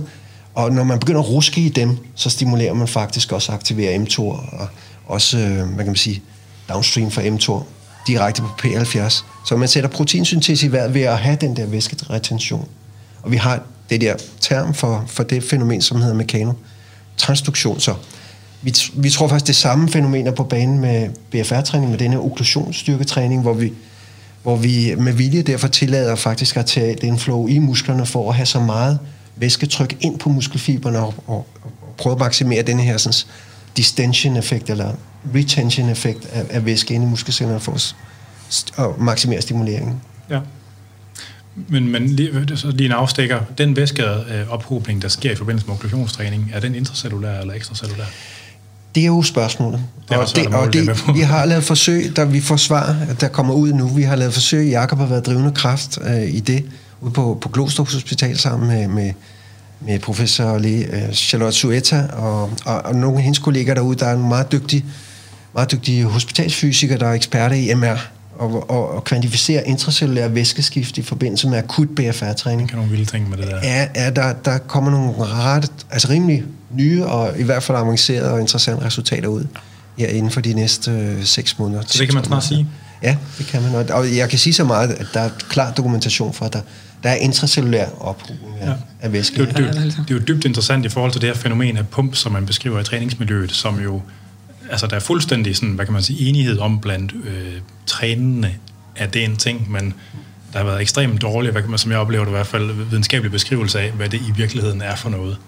Så det er jo, øh, det er jo lækkert, at det... Der kommer nogle håndtag, der kommer nogle håndtag på det nu, og jeg tror, at så vidt jeg ved, det er første gang, de teknikker bliver brugt, så avancerede teknikker, bliver brugt til at kvantificere, øh, hvad kan man sige, intra, intracellulære water flows i forbindelse med træning, og jeg tænker, det skal man til at lave tilsvarende øh, forsøg på folk, der laver traditionelt tung styrketræning eller pump. Men i forbindelse med kreatin har det ikke været sådan, at når man har, øh, hvad skal man sige, øh, haft muskelceller i en petisskål, og så tilsat kreatin, og det et eller andet sted så alligevel optages, så er det det intracellulære tryk, øh, kvæg væsken, der øges, og, og det er måske gennem den vej, netop har den her stimulerer proteinsyntesen.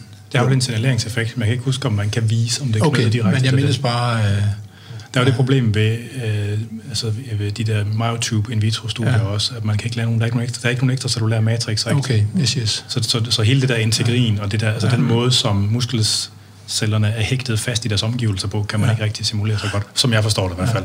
Okay. Det er ikke engang jeg lavede forskning. Jeg synes, at øh, en, øh, Ingrid Ejner, som jo er først forfatter på en af de artikler, du omtalte før, øh, som forresten i hvert fald har fået lavet en 8 biopsier ved biceps, bare lige for at udfordre dig. Øh, Og mine er altså i benene, heldigvis. Ja, bare tror, mine biceps de er så små i forvejen, det vil være forfærdeligt. Men hun øh, bringer jo, eller den, øh, forfattergruppe bringer jo den her teori i spil omkring, hvor, hvad, hvad er det her egentlig for noget? Hvorfor, hvorfor kan mennesker det her, hvis vi kan det? Øh, det, som så vises i, i mus og med accelereret effekt med, med brug af testosteron. Jamen, de ændrede jo en af de her artikler med en teori omkring, at hvis vi et eller andet sted har levet som, som øh, hvad skal man sige, jæger og samler, og der har været forskel på, hvordan vi har øh, ernæret os øh, sommer øh, versus øh, vinter, så skal der skrues ned og op for, for vores muskelmasse, fordi vi kan ikke holde en stor muskelmasse ved lige, hvis vi ikke kan finde den mængde mad, der skal til for at, at, at holde den ved lige. Og hvis vi heller ikke har brug for at hvad skal man sige, bevæge os så meget kvæg, ja, det er jo en, et eller andet sted noget, der bider hinanden i halen, kan man sige. Og så kommer foråret, og så skal vi ud på, på, på sletterne og løbe efter dyrene. Og der skal der være en hurtig, hvad skal man sige, omstilling til den situation. Og jeg synes, at det er en meget sådan sjov øh, teori, øh, fordi at en ting er jo at eftervise, en anden ting er jo altid at kunne forklare det. Øh, jeg tror ikke, det nytter noget at, at forklare det med, at man skal være god til spydkast i hvert fald. Ja, det kunne man så godt, for det handler også om at jage dyr. Men på Andet eksempel. Ja, øh, det var, jeg prøver noget andet. Ringpres. Præcis. Ja. Tak for det, altså. Ligegyldig disciplin. Men, men øh, hvad hedder det? Så det her med, at en eller anden også kunne prøve at omsætte det til noget, hvad skal man sige, praktisk øh, i, i forhold til os som mennesker, ikke? Ja, ja. Ja, men... Øh, Ja, det behøver du ikke at tage med videre. Nej, nej, men jeg, jeg, jeg, jeg havde bare den, jeg ville spørge om før, men nu øh, tabte jeg lige tråden. Hvad ja. fanden var det, det var? Øh, Nå jo, jo. jo. Øh, hvis, hvis man vil, altså jeg, jeg tænker, I, I har også nogle, I vil gerne nogle kontrolpersoner med, nogle almindelige mennesker. Der, og, og hvad for nogle kontrolpersoner er det, I helst vil sammenligne med? Ja, nå, men det er, vi, vi forsøger at matche dem så godt, som vi nu kan. Øhm, så det vil sige, at, at de skal også være, være trænet.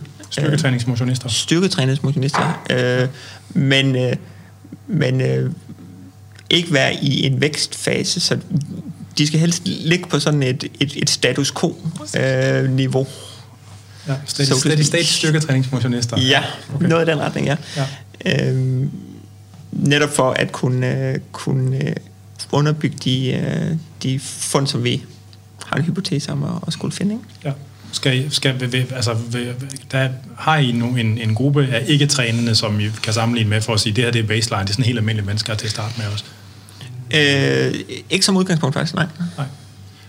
Hvis man så kører længere ud mod mere og mere sløje typer, eller ej, undskyld, det må man ikke sige, men folk, der måske har haft en uh, nerveskade, så de ikke kan bruge deres muskler, så de har haft langvarig atrofi. Øh, fordi findes der en, en hukommelseseffekt for en uh, atrofisk, en hen, henfalden fenotype. Vil man ikke, også, øh, vil man ikke gerne have det? Øh, den skal lige have igen, tror jeg. Altså hvis der er en hukommelseseffekt for ja. store muskler, mm. er der, er der, altså, er, går den også den anden vej? Er der også en hukommelseseffekt af at have været atroferet i meget lang tid? Altså fordi hvis man, man antager, at den bagvedliggende antagelse er vel på en eller anden måde, at den fenotype, det udtryk, som musklen har, på en eller anden måde bliver konsolideret over tid.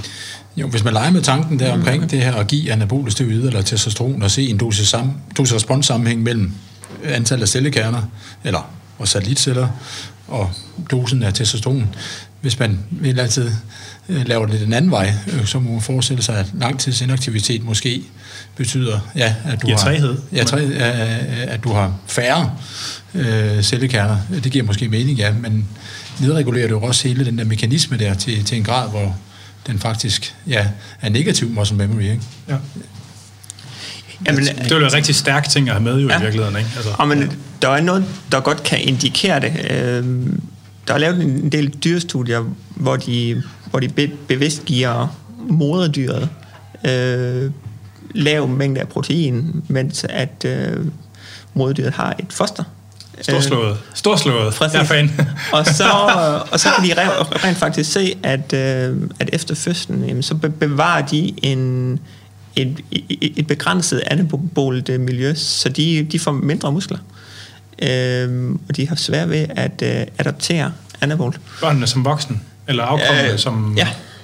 Stærkt. Øh, så der er formentlig noget der, hvor man øh, siger, og, og hvis vi kigger evolutionært så giver det jo mening, at, øh, at hvis der ikke er ret meget føde tilgængeligt, jamen, så skal vi heller ikke lave alt for store muskler. Men så er vi inde ved den her epigenetiske modifikationer, som, som vi snakkede om på et, tids, ja. på et tidspunkt, ja. som også kan spille en rolle mm. i forbindelse med satellitceller og cellekerner faktisk, men som kører over nogle andre dynamikker. Ikke?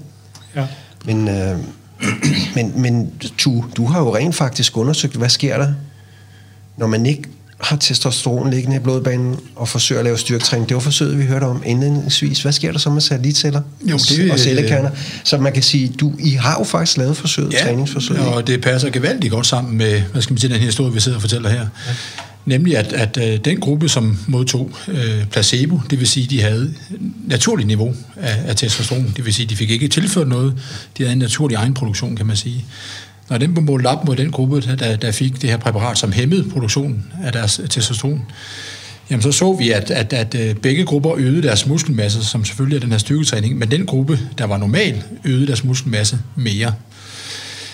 Øh, når vi kiggede på satellitceller og, og cellekerner, så var det således, at, at begge grupper opregulerede, øh, hvad skal man sige, deres satellitceller, men det var kun gruppen, der øgede deres muskelmasse mest, som inkorporerede flere cellekerner. Ja. Øh, så altså dem med intakt, dem der havde intakt testosteronproduktion, ja. der kunne se en differentiering, ja. eller man sige, en udvikling fra de her sådan, muskulære stamceller ind ja. til flere cellekerner. Ja. Øh, og øh, Interessant. Ja, og, og så, så, er det, så er vi jo tilbage til det der med, hvornår kræves det så, at du skal have flere cellekerner bygget ind. Altså alarmberedskabet øh, ses i begge kan man sige, ikke, som kvæg, eller kvæg styrketræning.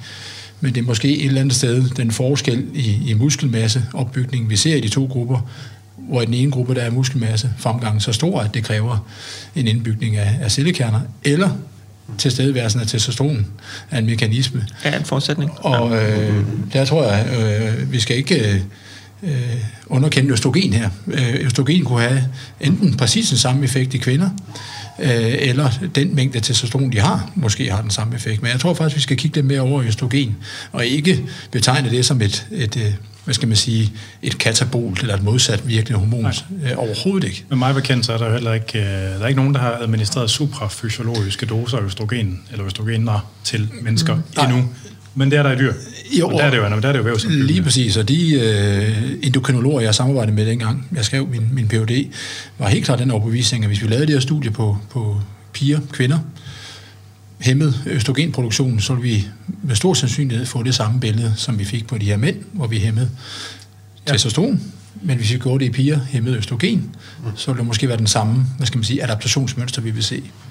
Det har vi faktisk, øh, vi lavede en podcast med Mette Hansen og Marianne præcis. Andersen fra SDU og præcis, UH, præcis. om det der ja. tilbage for et års tid siden. Ja. Så hvis man sidder og lytter med og gerne vil grave i den, så skal man nok kigge efter et eller andet med østrogen og træning og menopause og sådan noget. Jeg tror, vi lavede to, faktisk. Ja. Men der snakker vi om, det, de forsøg er nemlig lavet, ja. øh, og det snakker vi om i den podcast. Ja. ja, og det er jo meget interessant. Men hvad så, hvis man kigger, altså der er jo et hav af steroidhormoner i menneskefysiologi, øh, og progesteron er jo nok er jo sådan en spiller, der ligger lidt midt imellem mange af de der ting. Øh, tænker man, at det må er relevant på en eller anden måde? Altså, vi kender det jo primært fra vores øh, undervisning i gymnasiet, hvor vi skulle vide høre om menstruationscyklusen, ikke? men når man begynder at snakke krudt og kugler for alvor, så begynder det lige pludselig at betyde noget, fordi det bliver påvirket på alle mulige mærkelige måder af de andre steroidhormoner. Jamen, jeg kan jo starte med at, at bekende, at, at øh, det har jeg ikke overblik over, men jeg kan gå ud af den tangent igen med, med kvinder og den kvindelige atlet, hvor vi netop i Team Danmark har arbejdet med at støtte forskning, som kigger ind i, i, i det her område. Øh, kvinders evne til at adoptere til træning relateret til deres cyklus. Og der tyder det på, at progesteron er en, en spiller der, øh, som vi skal bruge i forklaringen af, hvorfor man måske kan se, at visse kvinder er mere responsive i forhold til styrketræning i, i den Generelt sene, eller i forbindelse med cyklusperiodisering? I den sene fase af deres øh, cyklus, ja. øh, hvor progesteron ligger højst. Og det er altså øh, menstruationscyklus? Ja.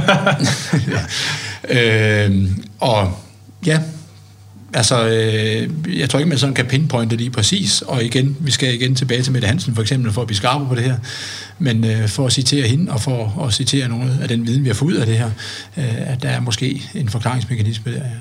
Ja. ja. Per, du har altså taget hul på det der med epigenetik et par gange, og Øh, jeg tror ligesom dig, at det er nok er der, man skal, man skal kigge efter sådan en årsag. Kan du ikke øh, prøve at fortælle vores lyttere, øh, hvorfor du tænker, at det er der, man... I hvert fald et af de oplagte steder at lave som forklaring på, hvad det kan drive langlivede hukommelseseffekter. Men det er det jo fordi, at øh, man har mange år tænkt, at vi har vores DNA, vi har vores gener, og det determinerer, hvordan vi kan respondere på forskellige typer af stimulus, herunder træning, styrketræning, er det, vi snakker om nu. Og havde man øh, gen, specielt mange gener, for at, øh, der disponerer for mange type 2-fiber, så var, den, så var det det, man fik, og så var det hele determineret på forhånd.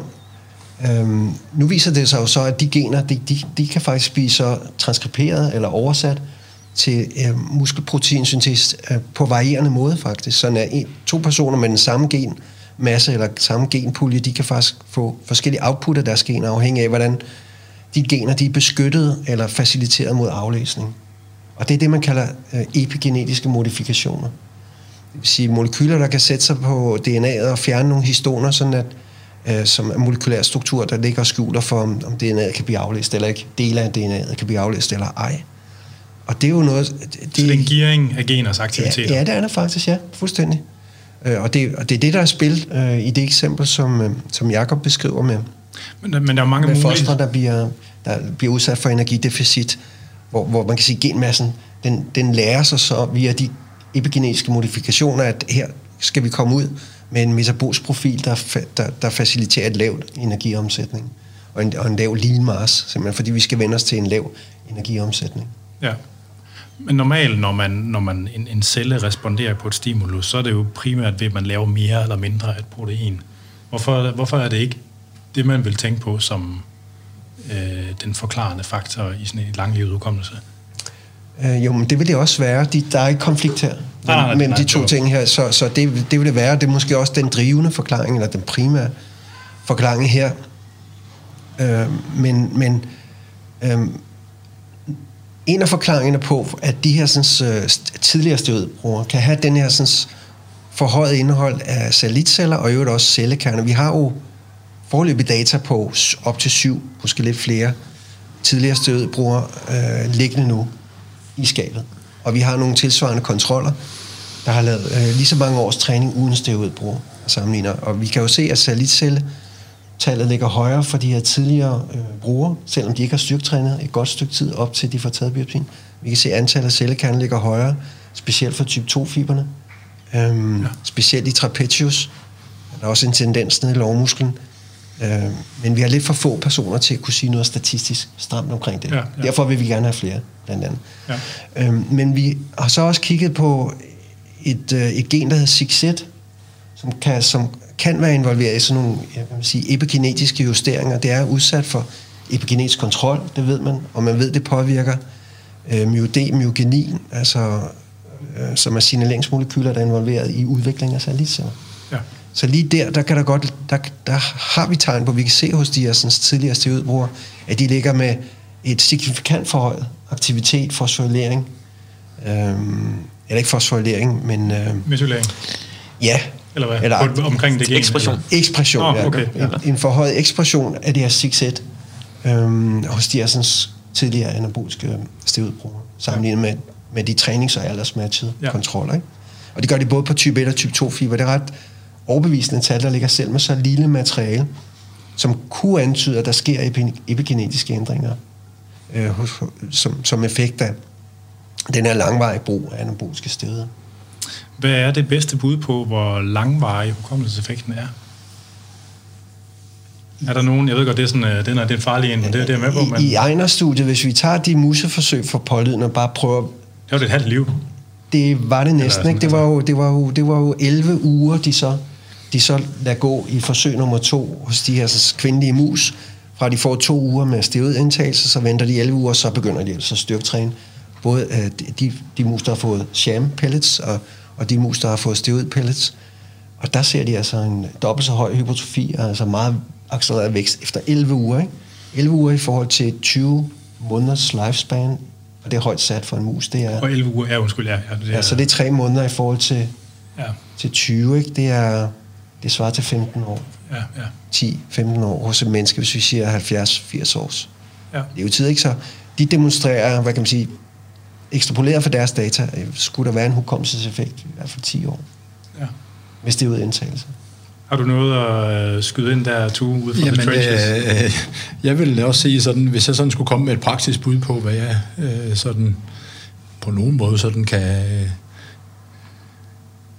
huske at have set, sådan, Ja, ja, ja. hvor man sådan, og det er jo meget lægmandsagtigt tilgang her, så vil jeg faktisk sige, at det er et meget realistisk bud, det der med, at øh, det skal nok holde fast i en 10 år, og det kan være det mere, det kan være det mindre, ja. men, men, men det her med sådan ligesom at se tilbage på nogle øh, personer, man har kendt eller kender, og måske har de brugt øh, anabole steroider og har genoptaget, hvad skal man sige, øh, træning øh, med bål og brand, øh, jamen så har der i hvert fald været, selv efter mange år, umiddelbart en, en potentieret effekt, kan man sige. Ja. Ja, undskyld, selv efter mange års pause, Ja, ja, ja. En, en, en potentieret effekt øh, af den. Ham der, der kom tilbage til motionscenteret efter... Øh, han har siddet rundt med et eller andet i lang tid. Ja, ja, så var han blevet far og har bygget hus, ikke? og øh, nu er det tid til at træne igen. Ja. Jeg har også selv en oplevelse med det i øvrigt, for dengang jeg afleverede min PhD, altså hvor i det, det sidste års tid, der var min træning noget skrald, og jeg fik ikke spist nok, og så blev det værre og værre, jo tættere man kom på, og så holdt jeg op med at spise og levede stort set af cigaretter og kaffe det sidste stykke tid og tabte mig. Altså, så begyndte jeg at træne igen dagen efter og begyndte at spise. Og så tog jeg 17 kilo på på 6 måneder bagefter. Øh, og nu blev jeg lige så stærk, som jeg nogensinde har, stærkere end jeg nogensinde har været for mere eller mindre, ikke? på den der periode, ikke? hvor det på tre måneder, hvor det bare er gået. Altså, der har jeg nok taget måske 12-15 kilo på de første tre måneder, hvor det fanden ned, man gik stærkt. Jo, og hvis jeg, øh, noget vi også sådan, virkelig sådan har bragt frem til diskussionen, når vi i Team Danmark sådan har diskuteret øh, området her. For eksempel øh, øh, sportsgren, hvor du øh, både kostmæssigt, men måske også med det træningsstimuli, du, du giver, supprimerer, hvad skal man sige, noget, som kroppen måske et eller andet sted godt kan. Altså, det kan man Så holde sig ned i vægtklassen. Ja, letvægts, letvægtsroer for eksempel, eller ja. landevejsrytter. Øh, øh, letvægtsroer, der så ligesom øh, vælger at sige, at jeg går i åben klasse, øh, hvor, hvor, hvor der ikke er nogen begrænsning på, hvor tung du skal være, og du har måske egentlig travlt med at, at gøre den her motor større. Øh, den, øh, ja, altså den øh, vækstrate, de repræsenterer de gutter der, og de piger der, den er, den er ret ekstrem. Øh, og Øh, nu en kollega og jeg sad og jokede lidt med at kigge på ham her, Mario Cipollini, som øh, også har lagt nogle billeder op for nogle år siden, men var jo sådan meget pillet, godt nok sprinter. Og han er blevet jacked nu, ikke? Ja, der er blevet en kæmpe stor. Og om der er steroider involveret, jamen det er der nok en, en stor øh, sandsynlighed for. Men, men, men, men det her med, at en krop sådan har været øh, underlagt, hvad skal man sige, øh, en, en form for supprimering, og så får den lov til ligesom at, at, at, at lukke op for alle sluser, ikke? Og at, at sådan en person ligger inde med det potentiale, det, det er for mig som fysiolog jo svært at forklare, og hvor kommer sådan noget fra? Fordi han ligner jo ikke en, en typisk responsiv person på, på, på styrketræning, bortset fra, at vi ved, at han var sprinter, kan man sige, inden for cykling, som ikke skal sammenlignes med øh, altså andre sprinter som sådan. Men, Men det er jo, der er jo også et grund, altså kan man sige, mange af de der letvægts, og folk, der klemmer vægt, altså de ligger jo kon, mere eller mindre, altså i off med en kropsvægt, er 5, 10, måske endda 15 procent mm. over deres vægtklassevægt, ja. ikke? Og så vil det selvfølgelig også være, deres krop vil være sulten ja. efter at svobe opad, når, Ja, ja. virkelig, når den skal have ja. også. Men, men, øh, men så noget, altså træningstilpasninger ligger sig ofte på sådan et forløb af den akut fase, ikke? hvor det går hurtigt i nogle måneder, og så, og så er der den der langsomme fase, hvor man ligesom skal opnå sådan en eller anden løbende konsolidering. Og jeg, jeg har ikke lade være med at tænke på det som om, at, at når man er i den der del af fasen, hvor man skal have den der gradvis konsolidering, hvor man kun får nogle ganske få procent i måneden, at det, det, det, det, det som det repræsenterer, det er akkumulering af hukommelse på en eller anden måde. Altså det er sådan min vibe, det er min fornemmelse, og det er sådan fuldstændig trukket ud af røven, men altså...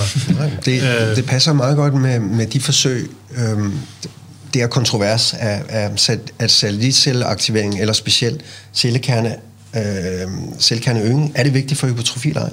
Ser ud til at være vigtigt lige præcis i den fase, du beskriver, konsolideringsfasen, og den kommer til at foregå succesfuldt med en større procent end ellers. Øh, det ser ud til at være ret afgørende, når man har, har fået en forøget øh, antal cellekerner.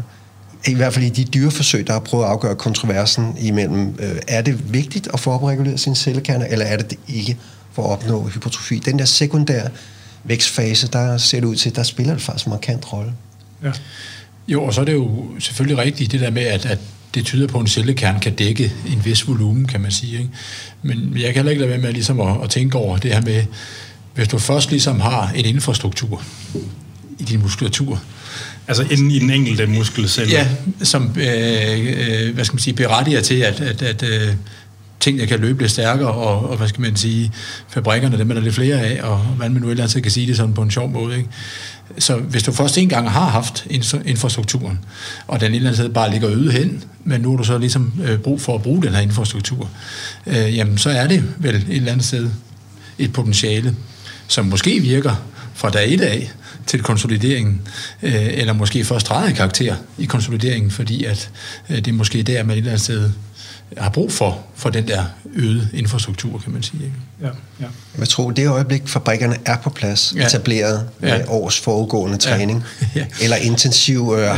daily øh, BFR-træning ja. i nogle, over nogle uger, mm. så tror jeg faktisk, at øh, så spiller de kerner en rolle i en retræningsfase. Ja. Så det accelererede forløb, du mm. oplever, øh, efter at have afleveret din mm. PhD, kan man sige, og, ja. det, og som er tydeligt blevet demonstreret i museforsøgene mm. også af Ingrid øh, Ejner og... Mm og gruppen for Oslo, jamen, det illustrerer jo, at det, det gør en forskel mm, ja. at starte ud fra scratch med flere cellekerner, end man ellers ville have haft. Ja. Jeg var så sulten. Jeg, altså, det var helt fuldstændig hjernedødt. Jeg havde spist noget halvanden kilo aftensmad. Altså aften. Og det var ikke engang, fordi jeg stoppede fodret. Det var bare, jeg var så sulten. Det var storslået. Det må, øh... Jamen, der var du kommet ud af hulen. Foråret, foråret var, var på vej. Du skulle ud og, og, og ja. ja, der skulle jeg, det er rigtigt. Foråret var kommet. Så en del af effekten har selvfølgelig også været en anabolisk effekt, det er at få det der måltid, ikke? Jo. den protein ind, samtidig med, ja, ja, ja. Der, er jo, der, er jo, der er jo en stimulering på proteinsyntesen. Og du stopper med at ryge. Og... Ja, ja, ja, oh gud, jeg er for sat. Uh, ja. det er bare så godt i hjernen, det der nikotin, det er noget værd noget. så, nå. Øh, Ja, øh, er der nogen, ved man om der er nogen der fibertype øh, specificitet i sådan hukommelseseffekter? Er der nogen, der har kigget på det? Nej. Nej, jeg tror ikke, det er dokumenteret, nej. nej. Øhm, der er jo sådan et andet lang, øh, halvlangvarigt muskelfænomen, der kaldes repeated bout effect, som er sådan et udtryk for det her med, øh, at når man laver noget utilpasset, så får man en grad af muskelskade, man bliver øm, og man kan måske måle det her kreatinkinase i blodet, og måske nogle andre ting også.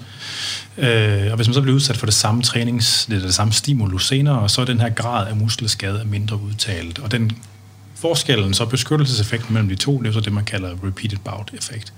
Og det mener jeg, at man har kunne vise øh, en, en målbar, øh, signifikant repeated bout effekt op til ni måneder efter mm. et træningsstimulus. Ja, det er ret Uden mellemliggende træning. Øh, altså, der er jo noget med, at graden af muskelskade er knyttet til satellitcelleaktivering og sådan noget. Altså, tænker I, om der er en sammenhæng mellem uh, repeated bout effekt og... Uh, altså, fordi det er jo en hukommelseseffekt også og, og, og hvad kan man sige, den, hyper, den muskelvævsopbyggelseshukommelseseffekten. Jeg ved ikke, hvis spor den skal lande på. Jamen, nu må I korrigere mig, hvis, øh, hvis jeg, jeg er lidt på udbanen. Men, øh, men til vidt, jeg ved så, så er den mest relateret til extracellular matrix, altså de der øh, bindevævsstrukturer, der ligger omkring musklerne, og ligesom, ligesom skaber nichen, hvor muskelfiberen den ligger inde i. Øhm, og en af vores kollegaer fra Bispebjerg Hospital, hun, har kigget meget på de der effekter efter sådan voldsom øh, eksamenstræning. Og, Abigail Maggie. Ja, ja Abigail Maggie, lige præcis. Øh, hvor hun, hun kan se, at... Øh, jeg kan ikke huske antal uger efter, men i hvert fald rigtig langt efter, tre måneder efter et sådan akut træningspas, jamen, der kan hun se, at de der strukturer, de er i gang med at adaptere stadigvæk. I, i bindevævet omkring ja. muskelfiberne? Ja. ja fordi, øh, fordi bare lige så lytterne er med, altså muskelfiber og en muskel, de rører ikke ved hinanden. De ligger alle sammen i hver deres. Det er ligesom en scene med en masse indsatser i en masse lommer, de hver især. Det er det, som Jacob kaldte nichen. Altså, øh, ja. Så de, de rører ikke ved hinanden. Ja. Aldrig. Øhm, og øh, hvis den struktur ligesom er, er mere strækstabil, jamen så, så kunne det være, øh, at, at musklen simpelthen bliver mindre stræksensitiv, øh, når, man, når man har trænet en periode og kommer op på det der plateau, du, ja. du henviste til senere. Øh, men, øh, men, øh, men det er jo interessant, at altså, muskelskaden den viser sig primært i muskelfiberne, men at det så er ja. afledt af, eller man ved virkelig ikke, om det er på grund af tilpasningerne i det ekstracellulære væv. Man nej, kan bare nej. se, at det ja, øh, man kan se, at der er en langvarig tilpasning i bindevævet. Ja. Og man kan se en tilpasning i beskyttelse mod muskelskade. Mm, ja. Men man ved, altså, så, man ved ikke, hvad sammenhængen mellem dem er stadigvæk. Nej, nej det, det, det, det tror jeg nok, Men dem, dem, den får, altså ser man på de data, der ligger, ser det ud som om, det foregår begge steder. Både i den ekstracellulære ja, ja. matrix, som er de her binde, fine bindevævstrøg, der ligger omkring muskelfiberne, og gør, at de ikke rører hinanden, faktisk. Men mere eller mindre kan glide en, en smule mellem hinanden. Øh, men så også intracellulært, så har vi de her integriner, som, som vi snakkede om, der er involveret mekanotransduktion. Og dem ved man også, øh, som effekt af en, et, et, et, et, bare et træningspas med hårdt ekscentrisk arbejde, så opregulerer man antallet øh, af de her, sådan, jeg tror, de hedder alfa-7, beta-1 integriner, der ja, går ind. Ja. Så sådan at forstå, at, at man har et forstærket øh, cytoskelet, simpelthen. Altså som transmitterer kræfter fra det indre af muskelfiberne og de her øh, kraftproducerende aktin mucinmolekyler ud igennem membranen, ud til den ekstracellulære matrix og videre ud til scenen. Så man kan sige, at hele krafttransmissionen, det, helt det apparat der bliver forstærket. Ja. Både intracellulært, men også øh, set på kollagensyntesen i den ekstracellulære matrix. Ja. Der er nogle ret flotte farvninger af det der. Jeg ved ikke, om I har set det. Jeg kender det, der koster mere begreb. Mm. Altså det er... Øh, ja, det som er de her integriner her. Ja, som er det sted, hvor at der er forbindelse mellem de, de proteiner ind i muskler, der trækker sig sammen, ja. og, og øh, den mur, eller den, den, det bindevæv, der ligger rundt om muskelfiberne. Det er meget, det er fandme godt design. Mm. ja. ja. ja. Øh, så der sker, der sker en beskyttelse på begge niveauer, faktisk, ja. Øh, ser det ud som om. Og det er formentlig en del af forklaringen på den her repeated bout-effekt. Ja. Men man tænker, men man får trykke lidt mere på maven. Altså tænker, I, tænker, tænker du, at der er en relation direkte til en, lad os så bare sige, at det er en myonuklear effekt, eller nogle bestemte gener, der bliver metyleret på, eller... Jeg tror, det er aktivitet. aktiviteter. Jeg tror ikke, der er en årsagsvirkningssammenhæng her. Vi ved, der er en repeated bout-effekt med BFR-træning også, faktisk. Og det har Jakob demonstreret også i nogle af sine forsøg. Øh, og de af jer, der lytter til podcasten her, som har prøvet at lave BFR-træning, altså okklusionsstyrketræning, ved, at det kan gøre ondt, mens man træner. Og specielt i pausen, hvis man beholder koffen tændt, havde han sagt, øh, i sin pause. Så får man det rigtig lækkert. Ja, ja, så får man det ekstra godt. Øhm, og vi beholder altid koffen trykket oppe i pauserne for, for at sikre maksimal stimulering. Men den smerte, scoring, den kan vi jo se i løbet af, af en 5, 6, 8 træningspas, så falder den ned fra et, et højt niveau til et moderat niveau. Og for, efter yderligere 6, 8, 12 træningspas, så falder den ned til et, til et acceptabelt niveau. Ikke? Så, så, så 3 ud af 10 på en masse smertescore.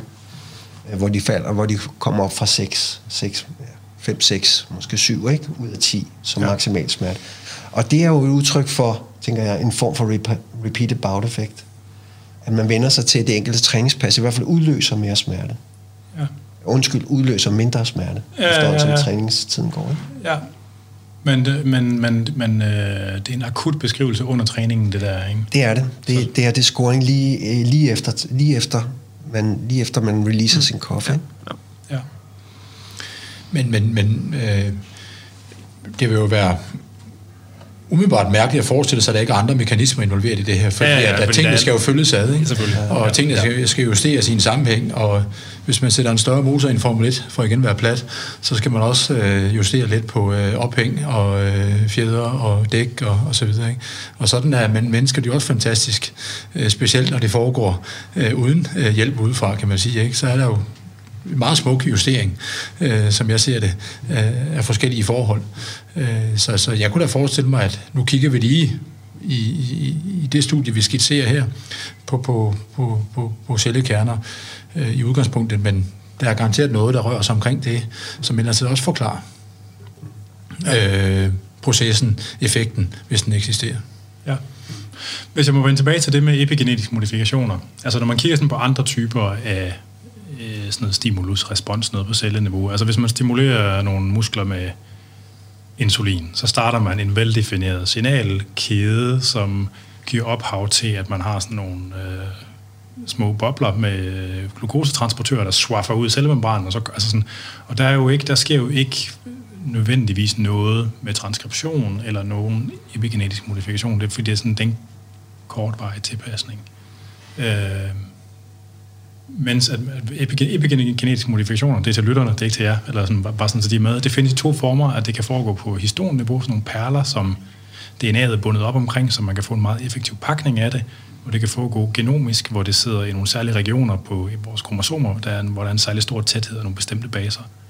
Øh, og de kan så bruges til at geare øh, aktiviteten af gener op og ned, fordi man har sådan nogle promotor- og repressorregioner, der ligger rundt omkring gener, der er med til at kontrollere deres aktivitet også. også. Så hvis man har så igennem det, at der både findes promotor- og repressorregioner omkring et gen, så kan man både få en gearing op og en gearing ned af genaktiviteten. Øh, men en genomisk, altså når der er en metylering direkte på vores gener, så bliver den siddende i udgangspunktet. Og hvis, det, og hvis, hvis cellen, der har det kromosom, der har en metylering et bestemt sted, den deler sig, så følger den metylering med til begge de to celler, den deler sig til. Og det er vel det, der skaber muligheden for en mere langlivet hukommelseseffekt end opregulering, en forbigående opregulering af et protein, eller en fosforylering på en receptor, eller sådan noget har. Altså, det, det er jo det, der gør, at jeg tænker på det. Altså, at det, det simpelthen rent mekanistisk tilbyder en, øh, en, en længerevarende effekt end nogle af de andre molekylærbiologiske signaler signalveje kan på, på en eller anden måde. Ja, jeg tror, du er ret, men, øh, men som Tue også var inde på, det kræver jo, at det er flaskehalsen. Ja, ja, ja. ja, ja, ja. Så, øh, så hvis, øh, hvis flaskehalsen ligger over på translationsniveauet, altså og, og producere proteinerne ud fra, fra de opskrifter, som, som, øh, som vil være optimeret, hvis vi har en, øh, en hypometylering for eksempel, altså en, en optimeret epigenetisk profil, øh, jamen så har vi godt nok mange, mange flere proteiner opskrifter, men hvis vi ikke har nok aminosyre og, og proteintransaktionen ikke kan følge med, jamen, jamen så, så, så ender vi øh, ikke det, det rigtige sted, hvis, hvis sigtet er muskelmasse. Nu kan man, man kan transplantere satellitceller. Ja. Og jeg tænker sådan, hvis man gerne vil teste hypotesen om hukommelsen måske på en eller anden måde sidder i satellitcellerne, øh, så tilbyder det jo i hvert fald en, en anden form for mulighed for at teste, den, for at teste det af. Mm. Er der nogen, der har gjort det endnu? Ved, ved det? Ikke hvad jeg ved. Altså, det kalder sig at gøre transplantere sig lidt selv. Ja, det ved ja, jeg, ja, altså. ja. I Ja. mennesker? ja. Eller, eller, jeg ved ikke, om man har gjort det i Nej, jeg mennesker, ved ikke, men, man- men konceptuelt, altså det er i hvert fald... Men man tænker i at lave scaffolds, hvor man, øh, hvor man faktisk øh, dyrker, sal, altså lave et scaffold af satellitceller og, og implantere det i mennesker. Jeg ved ikke, om det er på, på eksperimentelt niveau endnu, men Jeg tror nok, at der er nogen, der gjorde det i forbindelse med behandling af Duchenne muskeldystrofi.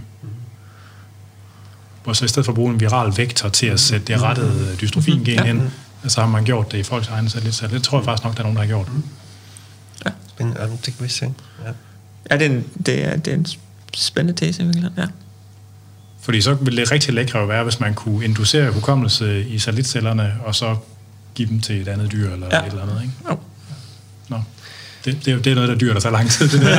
Altså, det, det, det, jeg kan høre, vi snakker om nu, det er, at vi bevæger hen imod, hen imod Doping. det punkt. Det, nej, det, Nå, nej, det, det, der, det punkt, der hedder det, ide, det ideelle eksperiment. ja, ja. Til at påvise den her muscle memory, at, øh, og den, og dels at den findes, men også at den afhænger af satellitceller, eller i hvert fald cellekerner. ja. Øhm, og der tror jeg faktisk, det vi rigtig gerne vil gøre i mennesker, det var jo at finde en eller anden træningsmodalitet. Må, må jeg tilføje lige noget? Altså al den stund, at I, gerne, I vil gerne, også gerne oprette satellitceller og gro myotubes i kultur. Ja. Så det er jo per definition en, en hukommelseseffekt fra Ja. ja. satellitcellerne, bare lige så folk er med. der kommer vi til at undersøge det. Men i intakte mennesker, der er der jo lavet et forsøg for nylig, også fra den norske gruppe, hvor de forsøger at lave effektiv styrketræning på en gruppe af unge mænd, der ikke har lavet styrketræning før, håber på at kunne opregulere antallet af- cellekerner, og så giver dem en detræningsperiode, og så vil de gerne retræne dem igen. Og så var tesen, at øh, de personer, der har lavet styrketræning før, de går ind til den der sådan, retræning med et højere antal cellekerner. Ligesom med musene faktisk, ikke? Ja. Det er det eneste forsøg, der er lavet indtil nu, og problemet er, at man kan sige, kæden hoppet af, at de har fået det publiceret, kan man undre sig lidt over. Men det har de gjort, men kæden hopper af, for de kan med deres indledende træning ikke demonstrere nogen øgning i satellitceller eller i cellekerner. Og så kan man jo heller ikke demonstrere ja, en retræningseffekt efterfølgende, uanset hvor meget det træning de så får. ja. øh, skudt efter sig. Ikke? Ja. Og det er, jo, det er jo ærgerligt. Øh, det gik sådan, og jeg kan ikke lade være med at tænke på, vi har selv produceret et af de studier øh, i unge mænd, der ikke har lavet styrketræning før, Jakobs øh, forsøg, øh, hvor vi lavede den her højfrekvente BFR-træning i tre uger, og vi ser en ekstrem opregulering af celleceller. Ja. Og i øvrigt også af cellekerner. Jeg kunne ikke lade være med at tænke på, hvis vi nu her, fem år efter de forsøg er blevet foretaget, kunne få de samme forsøgspersoner en gang til ind i labbet, tage en biopsi i deres lår og se, hey, har de stadig alle de cellekerner liggende? Og i øvrigt prøve at retræne igen ja. bagefter. Ja. Det vil være den optimale model. Et spørgsmål, der ligger også et spørgsmål i, altså er det er hukommelseseffekten, er den induceret af en varighed, eller er den induceret af en fenotype? Skal, skal man have noget af musklerne ved størrelse for, at det tæller, eller skal man have trænet ved et stykke tid? Fordi ja, træningsstudier er jo typisk kun 3-6 Ja, måneder. ja, det er rigtigt. Er der nogen, der har lavet et år i rigtige træningsstudier? Eller to? Nej. Ja, det var der langt imellem. Ja, det er det.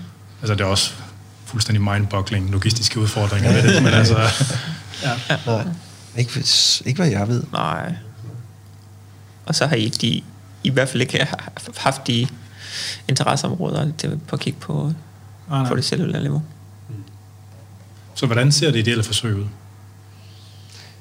Jamen, det vil være noget af den stil. Lave en ekstrem form for stimulering. Øh, vi får ikke lov til at gøre det med steroid. Ja, vi forsøgte jo at få det Ja. godkendt. Ja. Øh, Vi har- fik det ikke godkendt. vi har lavet- Var meget tæt på. armwrestling med videnskabsetisk komité ja. i Syd, Syddanmark Mm. øh, i over et år for at forsøge sammen med Marianne Andersen, jo, som er professor endokrinolog, så vi havde, og vi havde kardiologer, der skulle backe op også omkring alle, screening for alle, øh, Ja.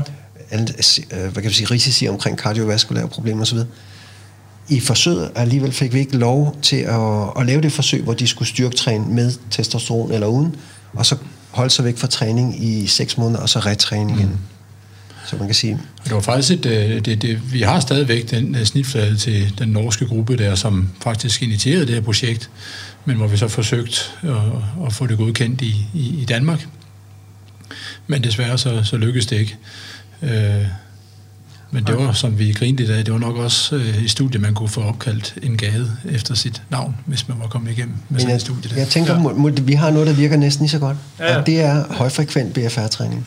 Så det, er, det lyder vanvittigt, men to gange om dagen bliver der så trænet med den okklusionstræning, 20-30% af 1 til failure i fire sæt med et øh, moderat okklusionstryk, og det gør man i tre uger.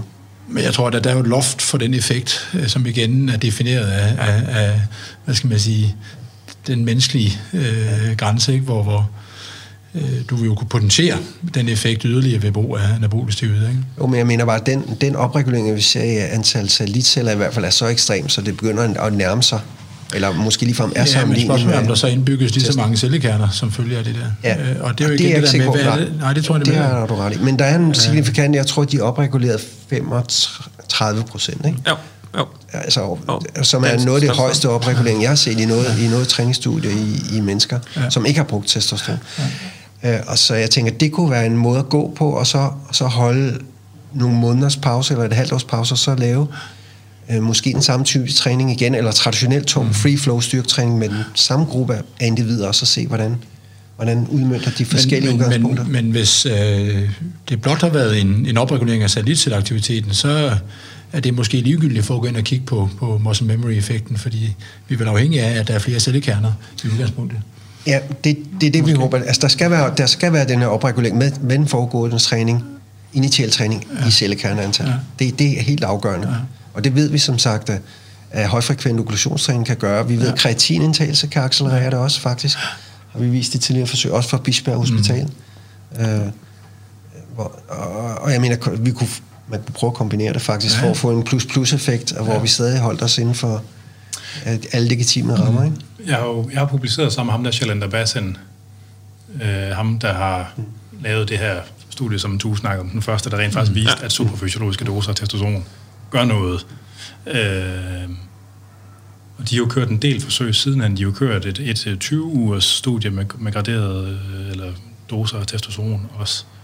Og det kunne jo også godt være, at... Øh, jeg ved faktisk ikke, om de har biopsier for nogle af dem, men det kan jo godt være, at de har noget biologisk materiale, som de kunne kaste ind i kampen også, hvis det var. Altså, han, skulle, han er meget tilgængelig ved at se ham, der og passer. det er en god pointe. Det ville være fantastisk. Ja, det ville. Ja, det være fantastisk at få adgang til det væv og analysere. Og der er nemlig et eller andet med, at han har skiftet universitet, hvor der var en masse, der var noget med, at han havde noget bøvl med at få noget materiale med sig fra nogle af sine forsøg, men det er der vist nok kommet styr på okay. nu. Øhm, så det, det, kunne man jo også overveje, om, om at se om nogle af de der folk, der har fået, altså det, dem, der, de har haft nogen, der har fået 20 uger, fået 600 mg testosteron om ugen. Mange faktisk, jeg tror det var 200 i alt. Eller sådan. Mm. Og de har publiceret på det også, men øh, det der dutasterid-studie, hvor de er plus minus en alfa-reduktase-hæmmer, som påvirker konverteringen til dihydrotestosteron. Øhm, og de så jo ret. Jeg vil sige, 600, 600, 600 mg testosteron om ugen i 20 uger, det giver øh, i gennemsnit 5-8 kilos øgning af fedtfri masse, og tab af 2-4 kilo fedtmasse uden træning. Så, så det er jo cirka det dobbelt som det, som det, de så på 10 uger, hvilket man kan så kan tænke over, hvor lang tid det vil fortsætte. Ja. Øh, jamen, jeg ved ikke, om vi vil være øh, noget omkring emnet. Sådan, det tænker jeg egentlig, øh, vi, vi er meget godt. Øh, så endnu en gang, lige det her med sådan en call for subjects. Hvis du sidder derude, og du enten selv har været på krudt og kugler tidligere, og nu har tabt dig igen, og i hvert fald mistet de muskler, som du øh, havde i øh, fordoms tid, øh, eller du kender en, der passer på det, så vil de her ved bordet gerne have lov til at snakke med dig. Og så kan man skrive til Jakob. Og det var på, nu skal jeg se, jeg har skrevet det ned her, Jakob Nielsen med K, snabelag health.sdu.dk, var det ikke rigtigt? Præcis. Jo. Eller på telefon 30 28 13 97. Og vi laver også en side på min hjemmeside, hvor man kan rette henvendelse til dem. Ja, vi sender det videre til dem øh, på andersnedergaard.dk slash muscle memory ud i et. Og det kan også være, at den kommer til at dirigere videre til SDU's hjemmeside. Og, øh. Og øh, så vil jeg sige tak, fordi I er kommet. Øh, og vil I ikke lige på tur fortælle øh, igen fuld navn og titulering og affiliering og alt det der, hvor man kan følge jeres eventuelle arbejde, hvis vi starter med dig, Per. Øh, Det var Per Ågaard, professor i biomekanik øh, ned på Institut for Idræt og Biomekanik Syddansk øh, Universitet. Og øh, jeg er så gammeldags, så jeg har ikke rigtig nogen link til noget som helst, øh, andet min gamle cykel. Men de unge mennesker bedre informationer at give. Værsgo. Ja, øh, jeg var som sagt postdoc øh, Jakob Lindberg Nielsen. Øh, arbejder også på Syddansk Universitet for, ved Institut for Idræt og Biomekanik. Og, øh, og jeg har sådan en, en desværre en halv, halvsløj LinkedIn Nej, nu skal ikke lægge en profil. Twitter-profil. Øh, så der ikke sker så meget på. øh, men der skal man være velkommen til at kigge ind. Ja, mit navn det er Tue Kvorning, og øh, jeg er sportsfysiolog i, i Team Danmark. Og jeg er ikke lige så gammel som Per, men øh, jeg er heller ikke med på beatet. Så jeg er kun i medierne, når Anders han inviterer. Og du har en profilside på hos Team Danmark, trods alt. Det er rigtigt, ja. Og øh, Der skulle man kunne finde både telefonnummer og mailadresse. Hvis er I det. på ResearchGate? Øh, ja, men det er ikke noget, jeg sådan... Øh, ja, Sådan, sådan et sted, der holder sådan en, en, en forsker Facebook, der holder styr på publikationer og sådan noget. Jo, Ja, ja det er Den, den er meget god, Ja, ja, ja. hvis man følger med i nogle forskers arbejde, faktisk. og det, det er rigtigt, det er tilfældet. jeg vil dog, dog, dog også lige nævne, at både for Jakob og min egen vedkommende, så har vi jo også en, vores egen personlige hjemmeside inde på SDU. Til afdelingen. Ja, så vi har Ja, ja, vores ja. ja. egen profil Nå, ja, sat så op på, ja. ja. på afdelingen, så det er bare at skrive vores navn, så dukker vi op på Google, og den kommer man hurtigt til. Ja. Eventuelt sammen med SDU eller et eller andet, ikke? Ja, Ja. Øh, jeg vil sige tak, fordi I kom. Det var rigtig spændende. Det var et øh, virkelig, virkelig lækkert emne. Øh, det er det sgu. Ja, man kan godt savne det der forskningsknald lidt alligevel, må jeg sige. Øh, så tak, fordi I kom. Det var en fornøjelse. Tak. Selv tak. Ja, velkommen. Til dig, der har haft os i ørerne, der er det selvfølgelig Fitness MK, og jeg hedder Anders Nedergaard. Man kan lytte med til den her og de andre øh, udsendelser, vi har lavet i Fitness MK på Streamer Podcast. Og man kan streame det inde fra andersnedergaard.dk eller fra Spreaker, vores nye host. Og man kan podcasten fra alle de store podcasttjenester. Programmet det er produceret af Jonas Pedersen, og man skal selvfølgelig være velkommen til at skrive ind med kommentarer eller spørgsmål. Og det er altså på programmets Facebook-side, der hedder Fitness.mk, eller min egen e-mailadresse, som er afn